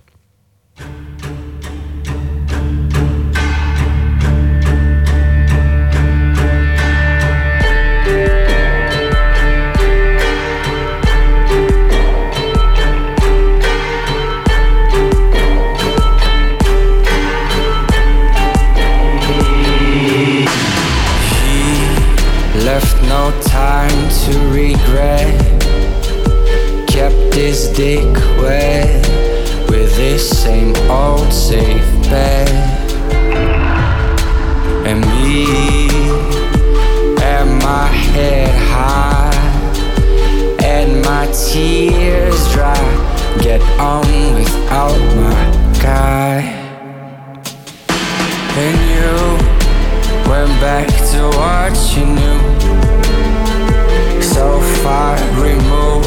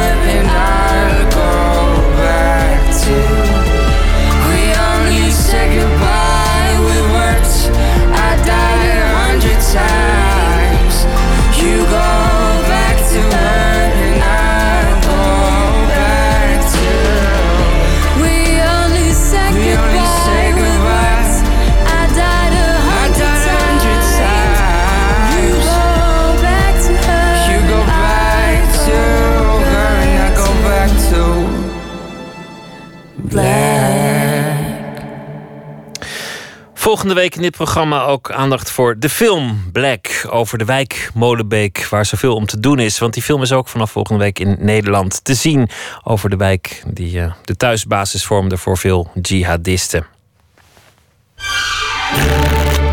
Open kaart. In de rubriek eh, Open Kaart vandaag Koen Verbraak. Hij eh, zit tegenover mij. Een nieuwe reeks van Kijken in de Ziel is al begonnen. Op de drempel is, het, eh, is de titel ervan. Het gaat over mensen die weten dat hun dood aanstaande is. En eh, die de diagnose al te horen hebben gekregen. Is ook een boek bij verschenen met de onversneden interviews. Koen Verbraak, hartelijk welkom. Dag Pieter, goeienacht. Dit is, dit is echt een moeilijke die je dit keer op de hals hebt gehaald. Ja, deze serie bedoel je? Deze serie, het Ja. thema. Ja, zeker. Nou ja, ook nog, eh, nog een keer bedacht door, door Theo Maas eigenlijk, die we net hoorden. Eh, want, want die belde me op een dag op en die zei... nou, ik ben vanmiddag bij René Gude geweest en die is eh, stervende. En die zou eigenlijk nog een interview willen doen. En zou dat niet een soort kijk in de zielachtig eh, interview kunnen zijn? Nou, zo is het eigenlijk begonnen. Het idee van kijken in de ziel, het begon ooit met psychiaters, daarna kwamen andere beroepsgroepen aan bod, is dat je interviews versnijdt, waardoor het lijkt alsof de ondervraagden met elkaar in gesprek zijn. Ja. Zonder dat ze elkaar ooit gezien hebben. Dat vind ik wel mooi, omdat je dan een soort ronde tafelgesprek eh, krijgt, wat er nooit geweest is. En in de montage maak je dat, maar wel zodanig dat je verwijst ook naar, naar de andere interviews. Anders werkt het natuurlijk niet. Terwijl een ronde tafelgesprek zou organisatorisch heel lastig zijn, maar Ja. zou ook waarschijnlijk een soort cacophonie worden of, of rommelig. Dat, dat, dat wordt niet mooi. nee, en dan wordt het ook, eh, en dat bedoel ik met alle respect, maar dan wordt het gewoon eh, Jeroen Pauw. Dan heb je gewoon mensen aan een tafel die allemaal een, een duit in het zakje doen. En dit is, is toch een heel andere opzet. Je praat drie uur met die mensen, één op één. En dan, maak ik, dan haal ik die tafel er eigenlijk maak ik hem pas rond, zou ik maar zeggen. De dood is, is altijd een gevoelig onderwerp. Deze mensen zijn ziek, die zijn enorm geëmotioneerd. Dat maakt het voor jou als interviewer heel ingewikkeld. Je moet gewoon alle vragen stellen, ook als ze moeilijk zijn, als ze pijnlijk zijn. Wat is je erfenis? Uh, hoe kijk je terug op je leven? Uh, Mhm. Hoe laat je je nabestaanden achter? Dat soort vragen moeten gesteld worden. Maar iemand die zit te huilen aan tafel, daar heb je niks aan. Nee, en, en dat gebeurde toch wel een paar keer. Omdat het natuurlijk mensen zijn die ook praten over het loslaten van het leven en het afscheid nemen van het leven. En dat gaat soms met diepe emoties gepaard. En ik moet je zeggen, ik heb niet vaak in mijn leven gehad dat ik het als interviewer niet droog hield. Maar dat is me een paar keer gebeurd bij deze serie. Ik vond het moeilijk. Ja. En daar heeft al helemaal niemand wat aan als de interviewer overmand wordt door zijn eigen emoties. Nee, nee dat, uh, dus dat moet je ook weer snel wegslikken. Maar uh, het, het, het was ook wel weer een natuurlijk gevolg, verloop van het gesprek soms. Dat dat ook wel zich aandiende, ja. Dat is onvermijdelijk. Hoe doe je dat? Want televisie is een kunstmatige situatie. Ook al zit je waarschijnlijk in, in de omgeving van de geïnterviewde. Je zit met een cameraman, met een geluidsman. Ja. Uh, mensen sjouwen met kabels. De tafel wordt verplaatst. Ja. Er moet een lampje worden opgehangen. En de geluidsman roept halverwege... helikopter, kunnen we het even overnieuw doen? luchtaanval. Een luchtaanval. Uh, nou ja, dat Ga ik de... gewoon door, hoor. Je gaat gewoon door? Nee, bij een luchtaanval. Ja, bij een luchtaanval. Maar hoe, hoe zorg je dat iemand in die situatie... toch kan praten over waarschijnlijk het moeilijkste... waar hij ooit over zal praten? Uh, ja, weet je, als jij een uur met iemand praat, vergeet je eigenlijk ook de tijd. En zo gaat dat ook bij die, bij die interviews. Ik heb een hele goede ploeg om me heen, met goede cameramensen, goede geluidsman, die eigenlijk het, de mensen ook het gevoel geven dat, dat ze er bijna niet zijn. En, en dus die, die lampen en die camera's die verdwijnen ook voor mezelf. Uiteindelijk is het gewoon een gesprek zoals wij dat nu voeren. En ja, dan, dan telt de tijd niet meer. Dan zit je samen op een soort eiland. Ja.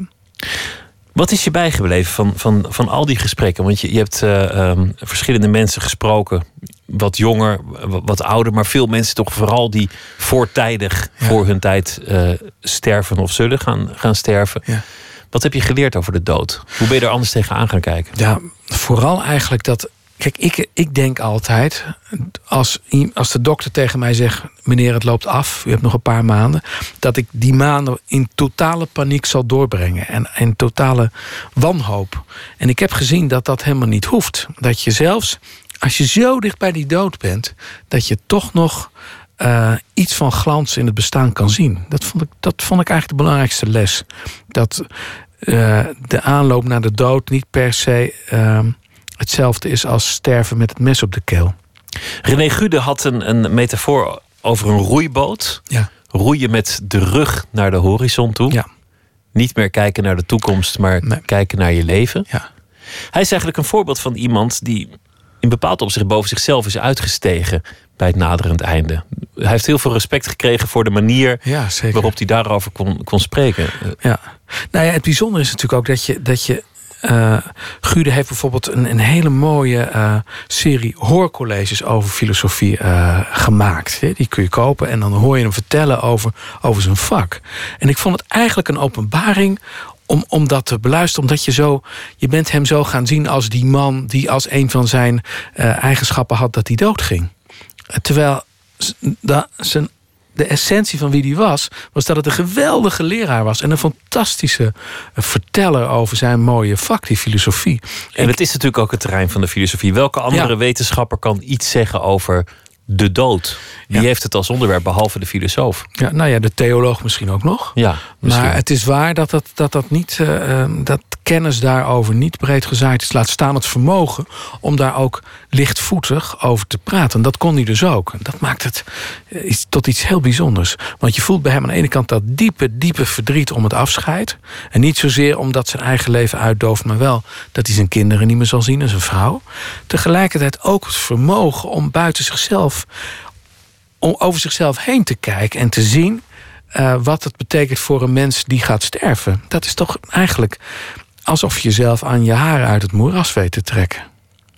De serie eh, heet eh, Op de Drempel in, in de reeks Kijken in de Ziel. We gaan beginnen met de kaartenbak. Je kent Ja. het procedé. Voor Ja. een gevierd interview om gewoon willekeurige vragen te. Gevierde interviewer die willekeurige vragen moet trekken. Dat vind ik ook een, een mooi gegeven eigenlijk. Ik, ik, ik, ik ga er maar eens, eh, ik ga Ja, het maar pak er maar in. Nou is het weer heel flauw om de voorste te pakken, maar ik pak gewoon middenin. Huppakee. Moet ik hem voorlezen? Ja, als je wil. Wanneer is je werk gelukt? Ja, wanneer is het goed? Eh, ja, dat is wel een goeie. Wanneer is je werk... Nou, het is... Vaak zie je dat pas als het al een tijdje klaar is. Dat je denkt, dit was eigenlijk best eh, goed. Weet je wat ik altijd zo mooi vind? Bijvoorbeeld zo'n Kijk in de Ziel. Dit zijn maar twee afleveringen, maar vaak zijn het er zes. Dan heb ik twaalf interviews van drie uur. Dat is bijna veertig uur. Hartstikke veel. En dan ben ik het aan het maken met mijn editor. En dan is de, ben je soms de wanhoop nabij dat je denkt... en nou val ik door de mand, nou komen we er niet uit, we lopen vast. Uiteindelijk zit het dan toch in elkaar... en dan snap je eigenlijk helemaal niet meer wat er nou zo moeilijk aan was. Terwijl toen je het maakte, dacht je... nu ga ik heel diep vallen. En dat vind ik altijd zo grappig. Dan is het dus blijkbaar gelukt. Dan ziet het er logisch uit voor degene die er naar kijkt. En dan klopt het als een bus. Terwijl het. Ja, eerst was er helemaal geen bus. En opeens is het voor elkaar. Nou, dan is het gelukt, denk ik. Is het ook wel eens andersom dat je denkt: nu heb ik vuurwerk, nu heb ik een parel, nu heb ik iets prachtigs en, en dat het in de montage gewoon niet werkt? Eh, ja, dat komt ook wel eens voor. Bij Kijk in de Ziel, gek genoeg, eh, gaat dat vaak. Kom je er wel uit. Maar je hebt het zelfs bij een documentaire. Bij een, bij een, want ik maak ook andere documentaires. Dan komt het wel eens voor dat je denkt: het valt me tegen. Ik had er meer van verwacht. Ik had het hoger ingeschat toen ik het aan het verzamelen was, het materiaal. Dan komt het er niet uit. Want je doet veel op het moment. Je doet, Ja. eh, je doet, radio, het, het wetenschapsprogramma doe je nog, kunststof doe je. nu, ja, Eh, je doet eh, met het oog op morgen regelmatig interviews voor de krant, documentaires, kijken in de ziel. Ja, ja het is veel. Het is, dat, dat is waar. Maar ja, weet je, je hebt soms heel veel potjes op het vuur staan. En soms gaan die vuurtjes weer uit. En dan, maar opeens zijn dingen ook in één keer allemaal tegelijk gaar. Dat komt ook voor. En zo'n periode heb ik nu. Maar daar heb ik wel heel lang voor staan koken hoor. Wil je nog een kaart trekken? En graag. Maakt het nog uit welke, eh, Nee, welke regionen ik pak? Wat is belangrijker? Inspiratie of transpiratie? Kortom, hard werken of een goed idee. Of talent Het gaat echt wel. hand in hand. Want ehm, het, ik ben altijd zo verbaasd over. Nou, je had het net over eh, je doet veel. Ik, ik, ben nou, ik doe ook veel, maar dan, dan, dan heb je ook heel veel. Dan voel, word je er eigenlijk niet moe van. Eh, dan kun je wel heel lang doorgaan en heel veel, echt heel veel maken. Terwijl ik ken ook wel de situatie, heb je ook wel eens meegemaakt. Als je vakantie hebt bijvoorbeeld en je moet een brief posten. Dan zit ik de hele dag te denken, wanneer ga ik dat doen? Weet je wel? Dan denk ik, zal ik het nu doen of vanmiddag? Nee, ik- toch nu nu Nee, misschien regent toch vanmiddag. Dan ga ik toch maar straks. Ja. Terwijl normaal gesproken post ik duizend brieven op een dag en heb ik het niet eens door. Dus het gaat heel erg samen. eh, in een flow zitten, dan kun je, ook, kun je ook best wel heel erg hard werken. Maar een, een echt goede aflevering of een heel goed interview is natuurlijk voor een groot deel ook gewoon buffelen, gewoon benenwerk.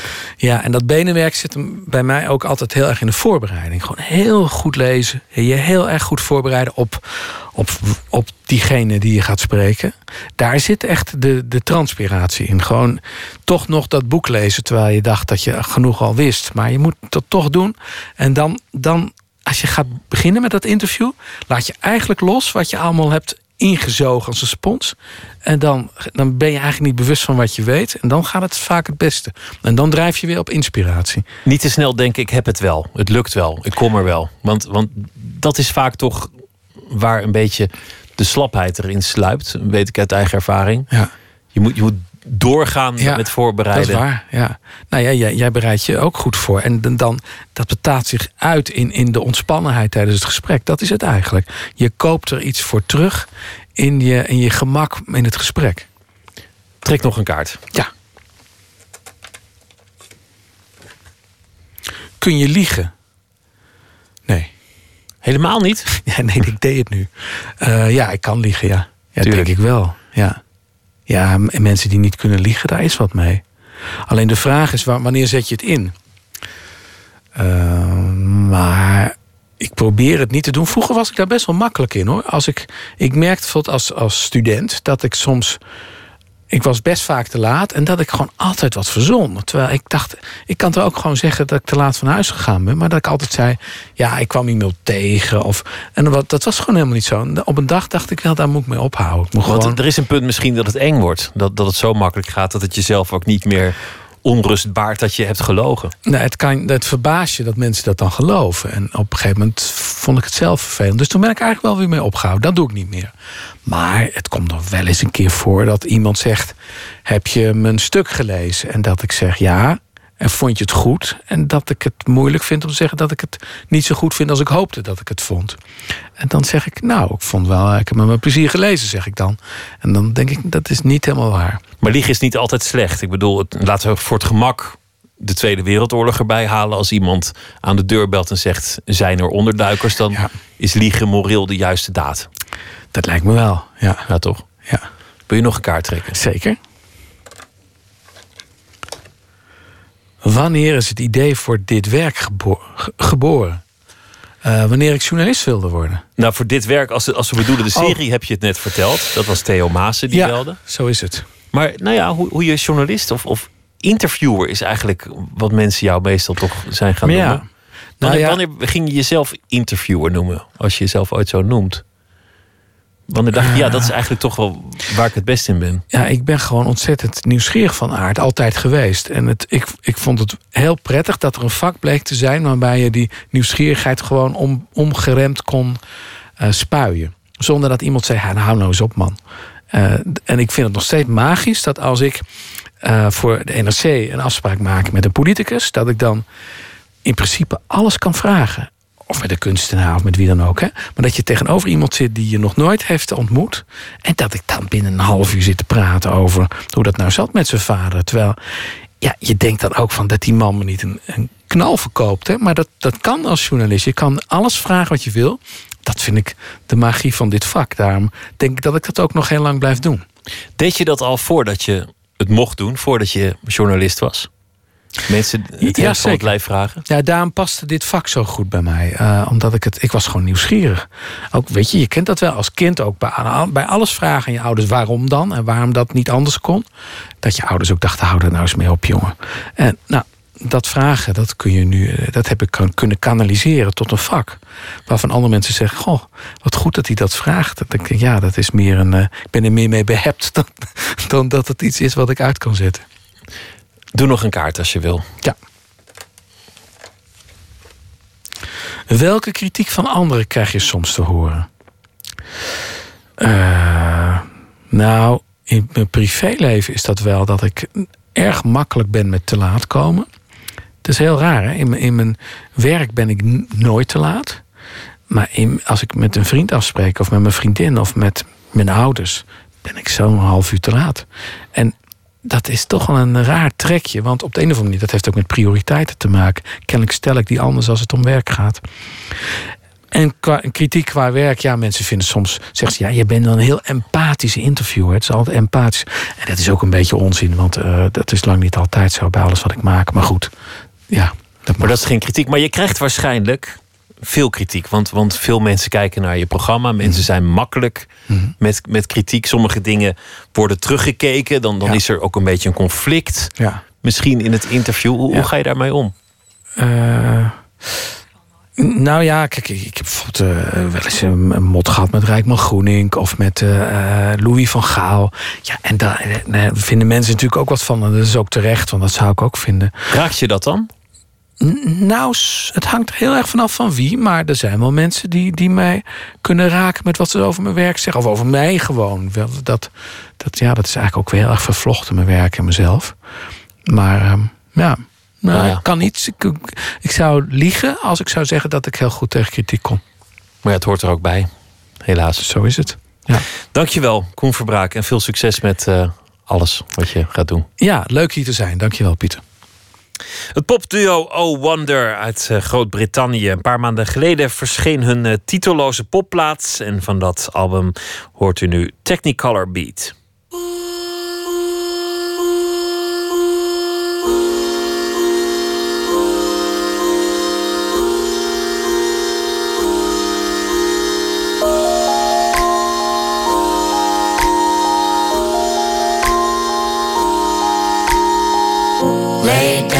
Your slow.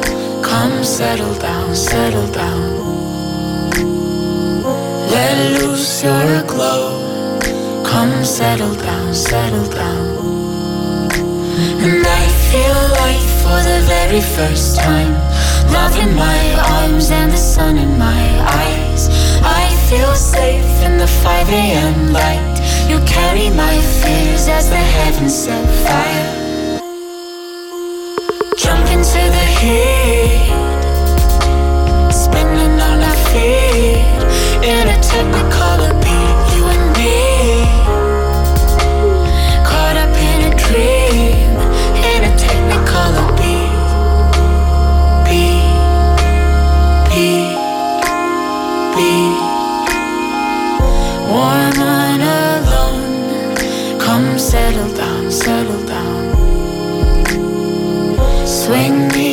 me your bones. Come settle down, settle down. And I feel life for the very first time. Love in my arms and the sun in my eyes. I feel safe in the 5 a.m. light. You carry my fears as the heavens set fire. Jump into the heat,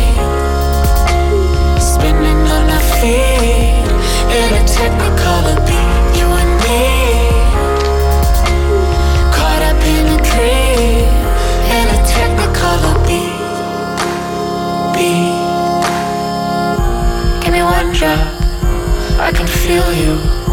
Make me lose control. We be walking on the water. We're moving in a technicolor beat. Moving in a technicolor Jump into the heat Spinning on our feet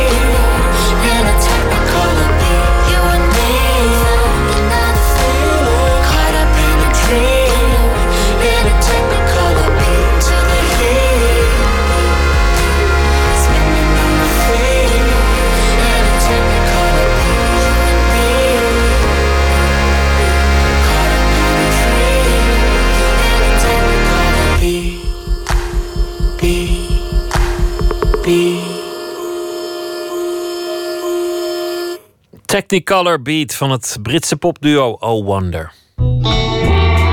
Nooit meer slapen. Muziek heeft grote invloed op het menselijk brein, blijkt al uit eh, meerdere wetenschappelijke onderzoeken. Hoogleraar klinische neuropsychologie Erik Scherder die hield daarover een eh, betoog vanavond op een opmerkelijke plek, namelijk het Concertgebouw in Amsterdam. En het werd ook eh, met muziek omlijst door de Finse violist Pekka Kusisto. Tjitske Mussen, onze nachtcorrespondent, was erbij. Tjitske, welkom. Erik Scherder, dat is eh, de man met de witte baard. Vol enthousiasme. Een eh, man die Nederland aan het bewegen wil krijgen. Een man als een wervelwind. Bekend van televisie en eh, andere fora. En die man die weet dus alles ook nog over muziek en het brein. Vertel. Ja, die weet er alles van. En hij had ook iemand bij zich vanavond. En dat was de Finse eh, eh, virtueuze eh, jonge violist Pekka Kuusisto. Die zichzelf gewoon Pekka noemde, wel zo makkelijk. En volgens The Guardian is, dat, is hij het beste wat de klassieke muziek de afgelopen jaren is overkomen. En ik zal even iets laten horen van hem.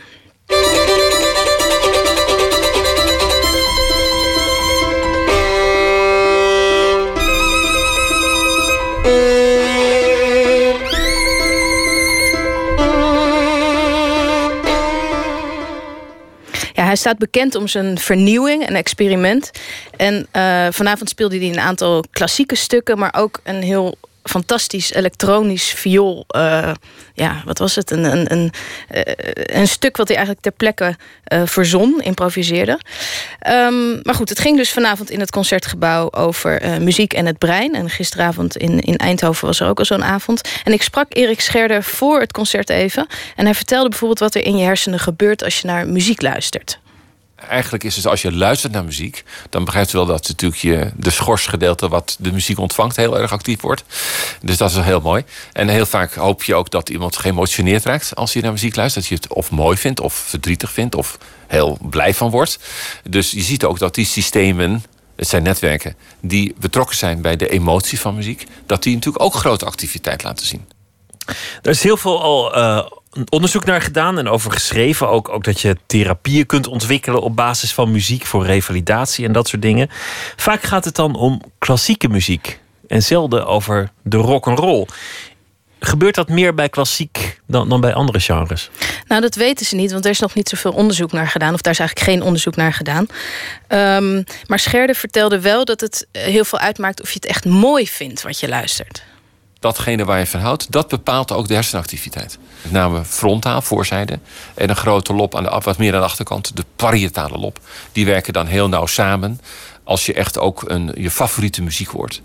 Echt heel leuk, want dat zijn ook weer gebieden die een rol spelen bij empathie, bij je invoelend vermogen, maar ook bij geheugen en werkgeheugen. Afijn. En dan ontstaat er een soort paradijsgevoel. Hè? Want als je dan ziet wat er allemaal aan verbonden is aan dat soort circuits, dan denk je, ja, joh, het is toch ongelooflijk wat muziek kan betekenen eh, in dat brein. Ja, grappig, hij blijft echt enthousiast, die man, de hele tijd bij alles als het eh, over het brein gaat. Ehm, maar dat het zoveel kan betekenen voor de hersenen, dat zie je bijvoorbeeld in, in onderzoek naar de invloed van muziek op dementerende. Ehm, er is kort geleden een artikel verschenen in Brain, dat is een belangrijk wetenschappelijk tijdschrift. En daaruit bleek dat als je dementerende vroeg om iets te vertellen over vroeger, dan, dan ging dat heel moeizaam, dat wisten ze niet meer. Maar als je dan muziek opzette uit hun jeugd, dan konden die mensen wel weer vertellen over, over vroeger. En in dat brein gebeurde dus van alles. Een motorisch gebied, notabene, eh, die normaal dus niet zo'n onderdeel is van het netwerk, geheugennetwerk. Daar zie je de activiteit bij mensen met de ziekte van Alzheimer bijvoorbeeld, die wel weer die muziekherinneringen hebben. Dus het brein op een of andere manier zorgt ervoor dat die herinneringen worden weggesluist naar gebieden die heel lang niet eh, kwetsbaar zijn voor zo'n ziekte. Dit gaat eigenlijk allemaal over eh, wat er gebeurt als je muziek luistert. Maar wat gebeurt er eigenlijk in het brein als je zelf muziek maakt? Ja, dan wordt het dus nog actiever allemaal. Al die netwerken eh, en gebieden die, die gaan nog meer eh, hard werken. En ehm, daar kan dus muziek ook een heilzame werking hebben. Dus het muziek maken. En dat blijkt bijvoorbeeld uit onderzoek naar autistische kinderen... die een instrument leerden spelen. En dan bleek het na tien of twaalf maanden... dan was het gebied waar dat empathisch vermogen zich bevindt... wat dus bij, bij, bij autistische kinderen eh, nou ja, kwetsbaar is... zoals eh, Scherder dat dan zegt. Dat was dan na tien of twaalf maanden veel beter ontwikkeld. En eh, ja, voor ouderen is het ook heel goed om zelf muziek te maken... betoogt Scherder. Als je op oudere leeftijd, dus mensen boven de 60, als je dan begint met het bijvoorbeeld bespelen van een muziekinstrument, dan zag je dat in die studie dat het eh, cognitieve functies, zoals eh, planning, eh, het feit dat je kunt set shiften van het ene onderwerp naar het andere onderwerp, die functie ging gewoon vooruit bij die oudere groep. Dat is toch precies wat je wil. Dus Pieter, Ja, het is nog niet te laat. Mocht je wat eh, minder scherp worden of...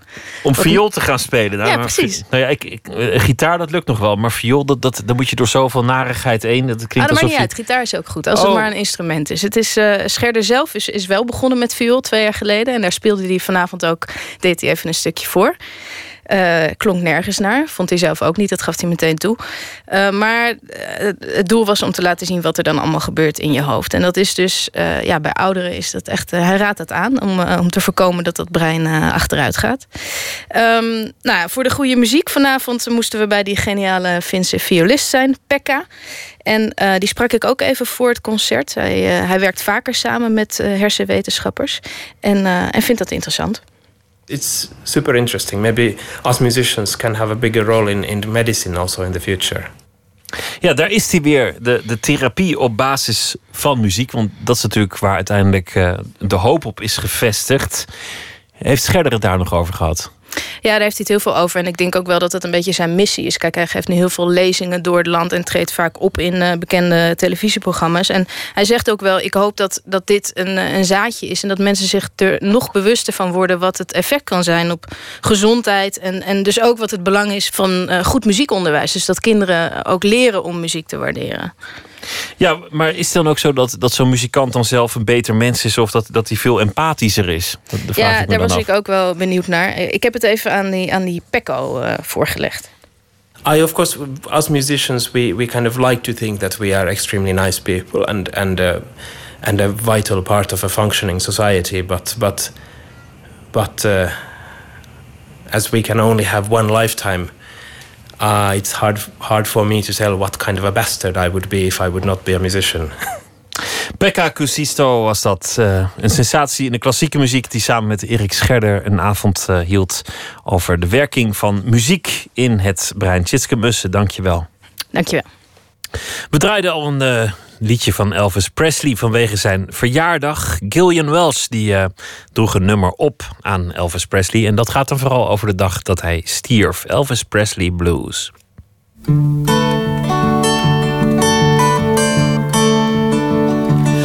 was thinking that night about Elvis.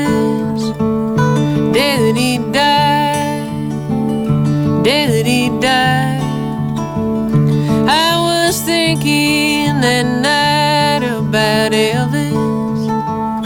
Day that he died, day that he died.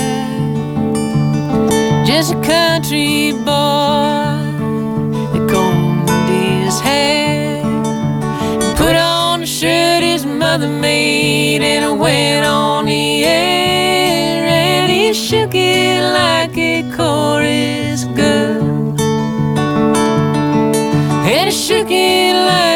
Harlem queen, and he shook it like a midnight rambler, baby, like he never seen, like he never seen, never seen.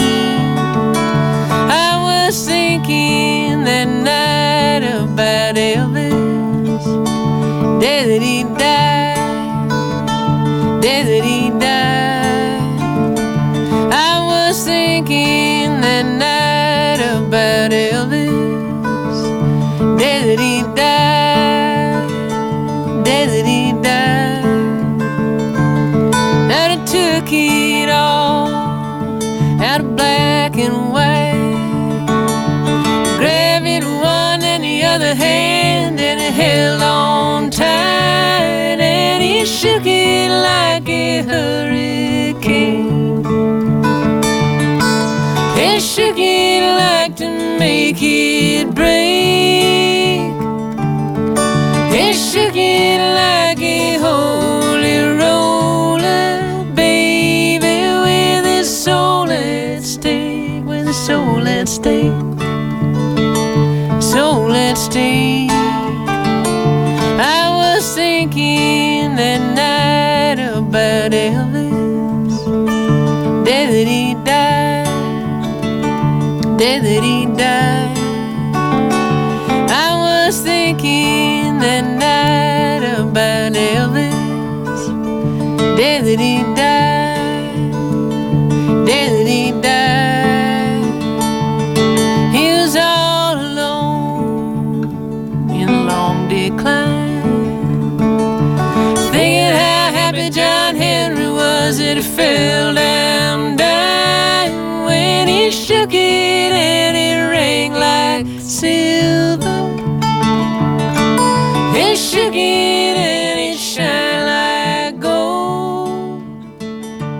Gillian Welch met de Elvis Presley Blues. Guus Luiters is dichter en schrijver. Deze week zal hij elke nacht een van zijn favoriete gedichten van iemand anders voordragen. Vannacht heeft hij gekozen voor een gedicht van Lutje Bert.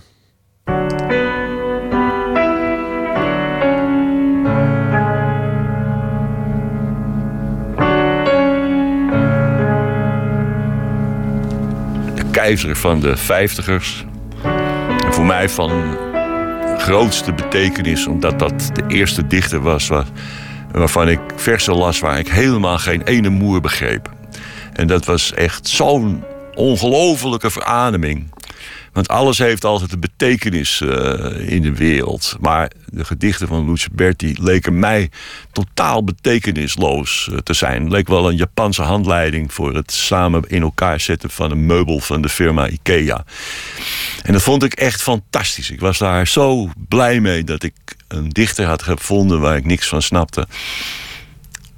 Alles los van de betekenis. En dat hou je niet lang vol, want al heel snel ontdek je dat ook bij uh, Bert. eh, ieder woord zijn plaats heeft en zijn betekenis. En dat het allemaal niet zo ondergrondelijk is als je hoopte dat het was. Maar ondanks dat verlies van onbegrijpelijkheid blijft het een ongelofelijke dichter met prachtige versen.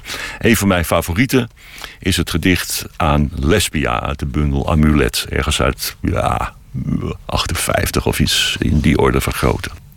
Dit gedicht begint met het woord Meepse Barg. Dat is ook zoiets. En ik zeg niet wat het is, maar je kunt het gewoon opzoeken in het woordenboek. De oude Meepse Barg ligt nimmer meer in drap, maar voorgoed op zachte kussens onder, uitgerekend de weelderigste boom. Ons rest slechts een schaduw, dun als een daspeld, om af te koelen, lesbia.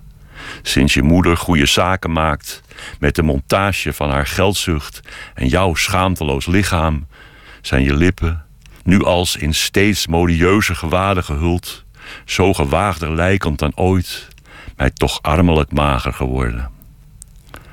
Maar al werden je fraaie lokken plots walgelijk rattenhaar, of baarde je onder mijn ogen een geslacht van veelpotig of kruipend gedierte.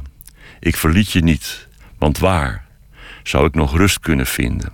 In het zuiden, op brandende bergen soms, of onder de altijd bloedige barbaren in het noorden? O, ik moet er niet aan denken hoe in den vreemde een van heimwee bezetene mij toefluistert. Alle vlinders van dit voorjaar slapen op Lesbos. Guus Luiters las het gedicht aan Lesbia van Lutje Bert. Morgen zit hier Estenomi Parkin en die gaat dan in gesprek met schrijfster en journalist Bronja Pratsny. Die heeft een nieuwe roman Verloren Taal, waarin ze op zoek gaat naar de geschiedenis van haar verloren familie in Engeland, Israël, Tsjechië en de Verenigde Staten. Ik wens u een goede nacht. Morgen een leuke dag. Ik hoop dat u dan weer luistert. Graag weer. Tot morgen. Goeie nacht.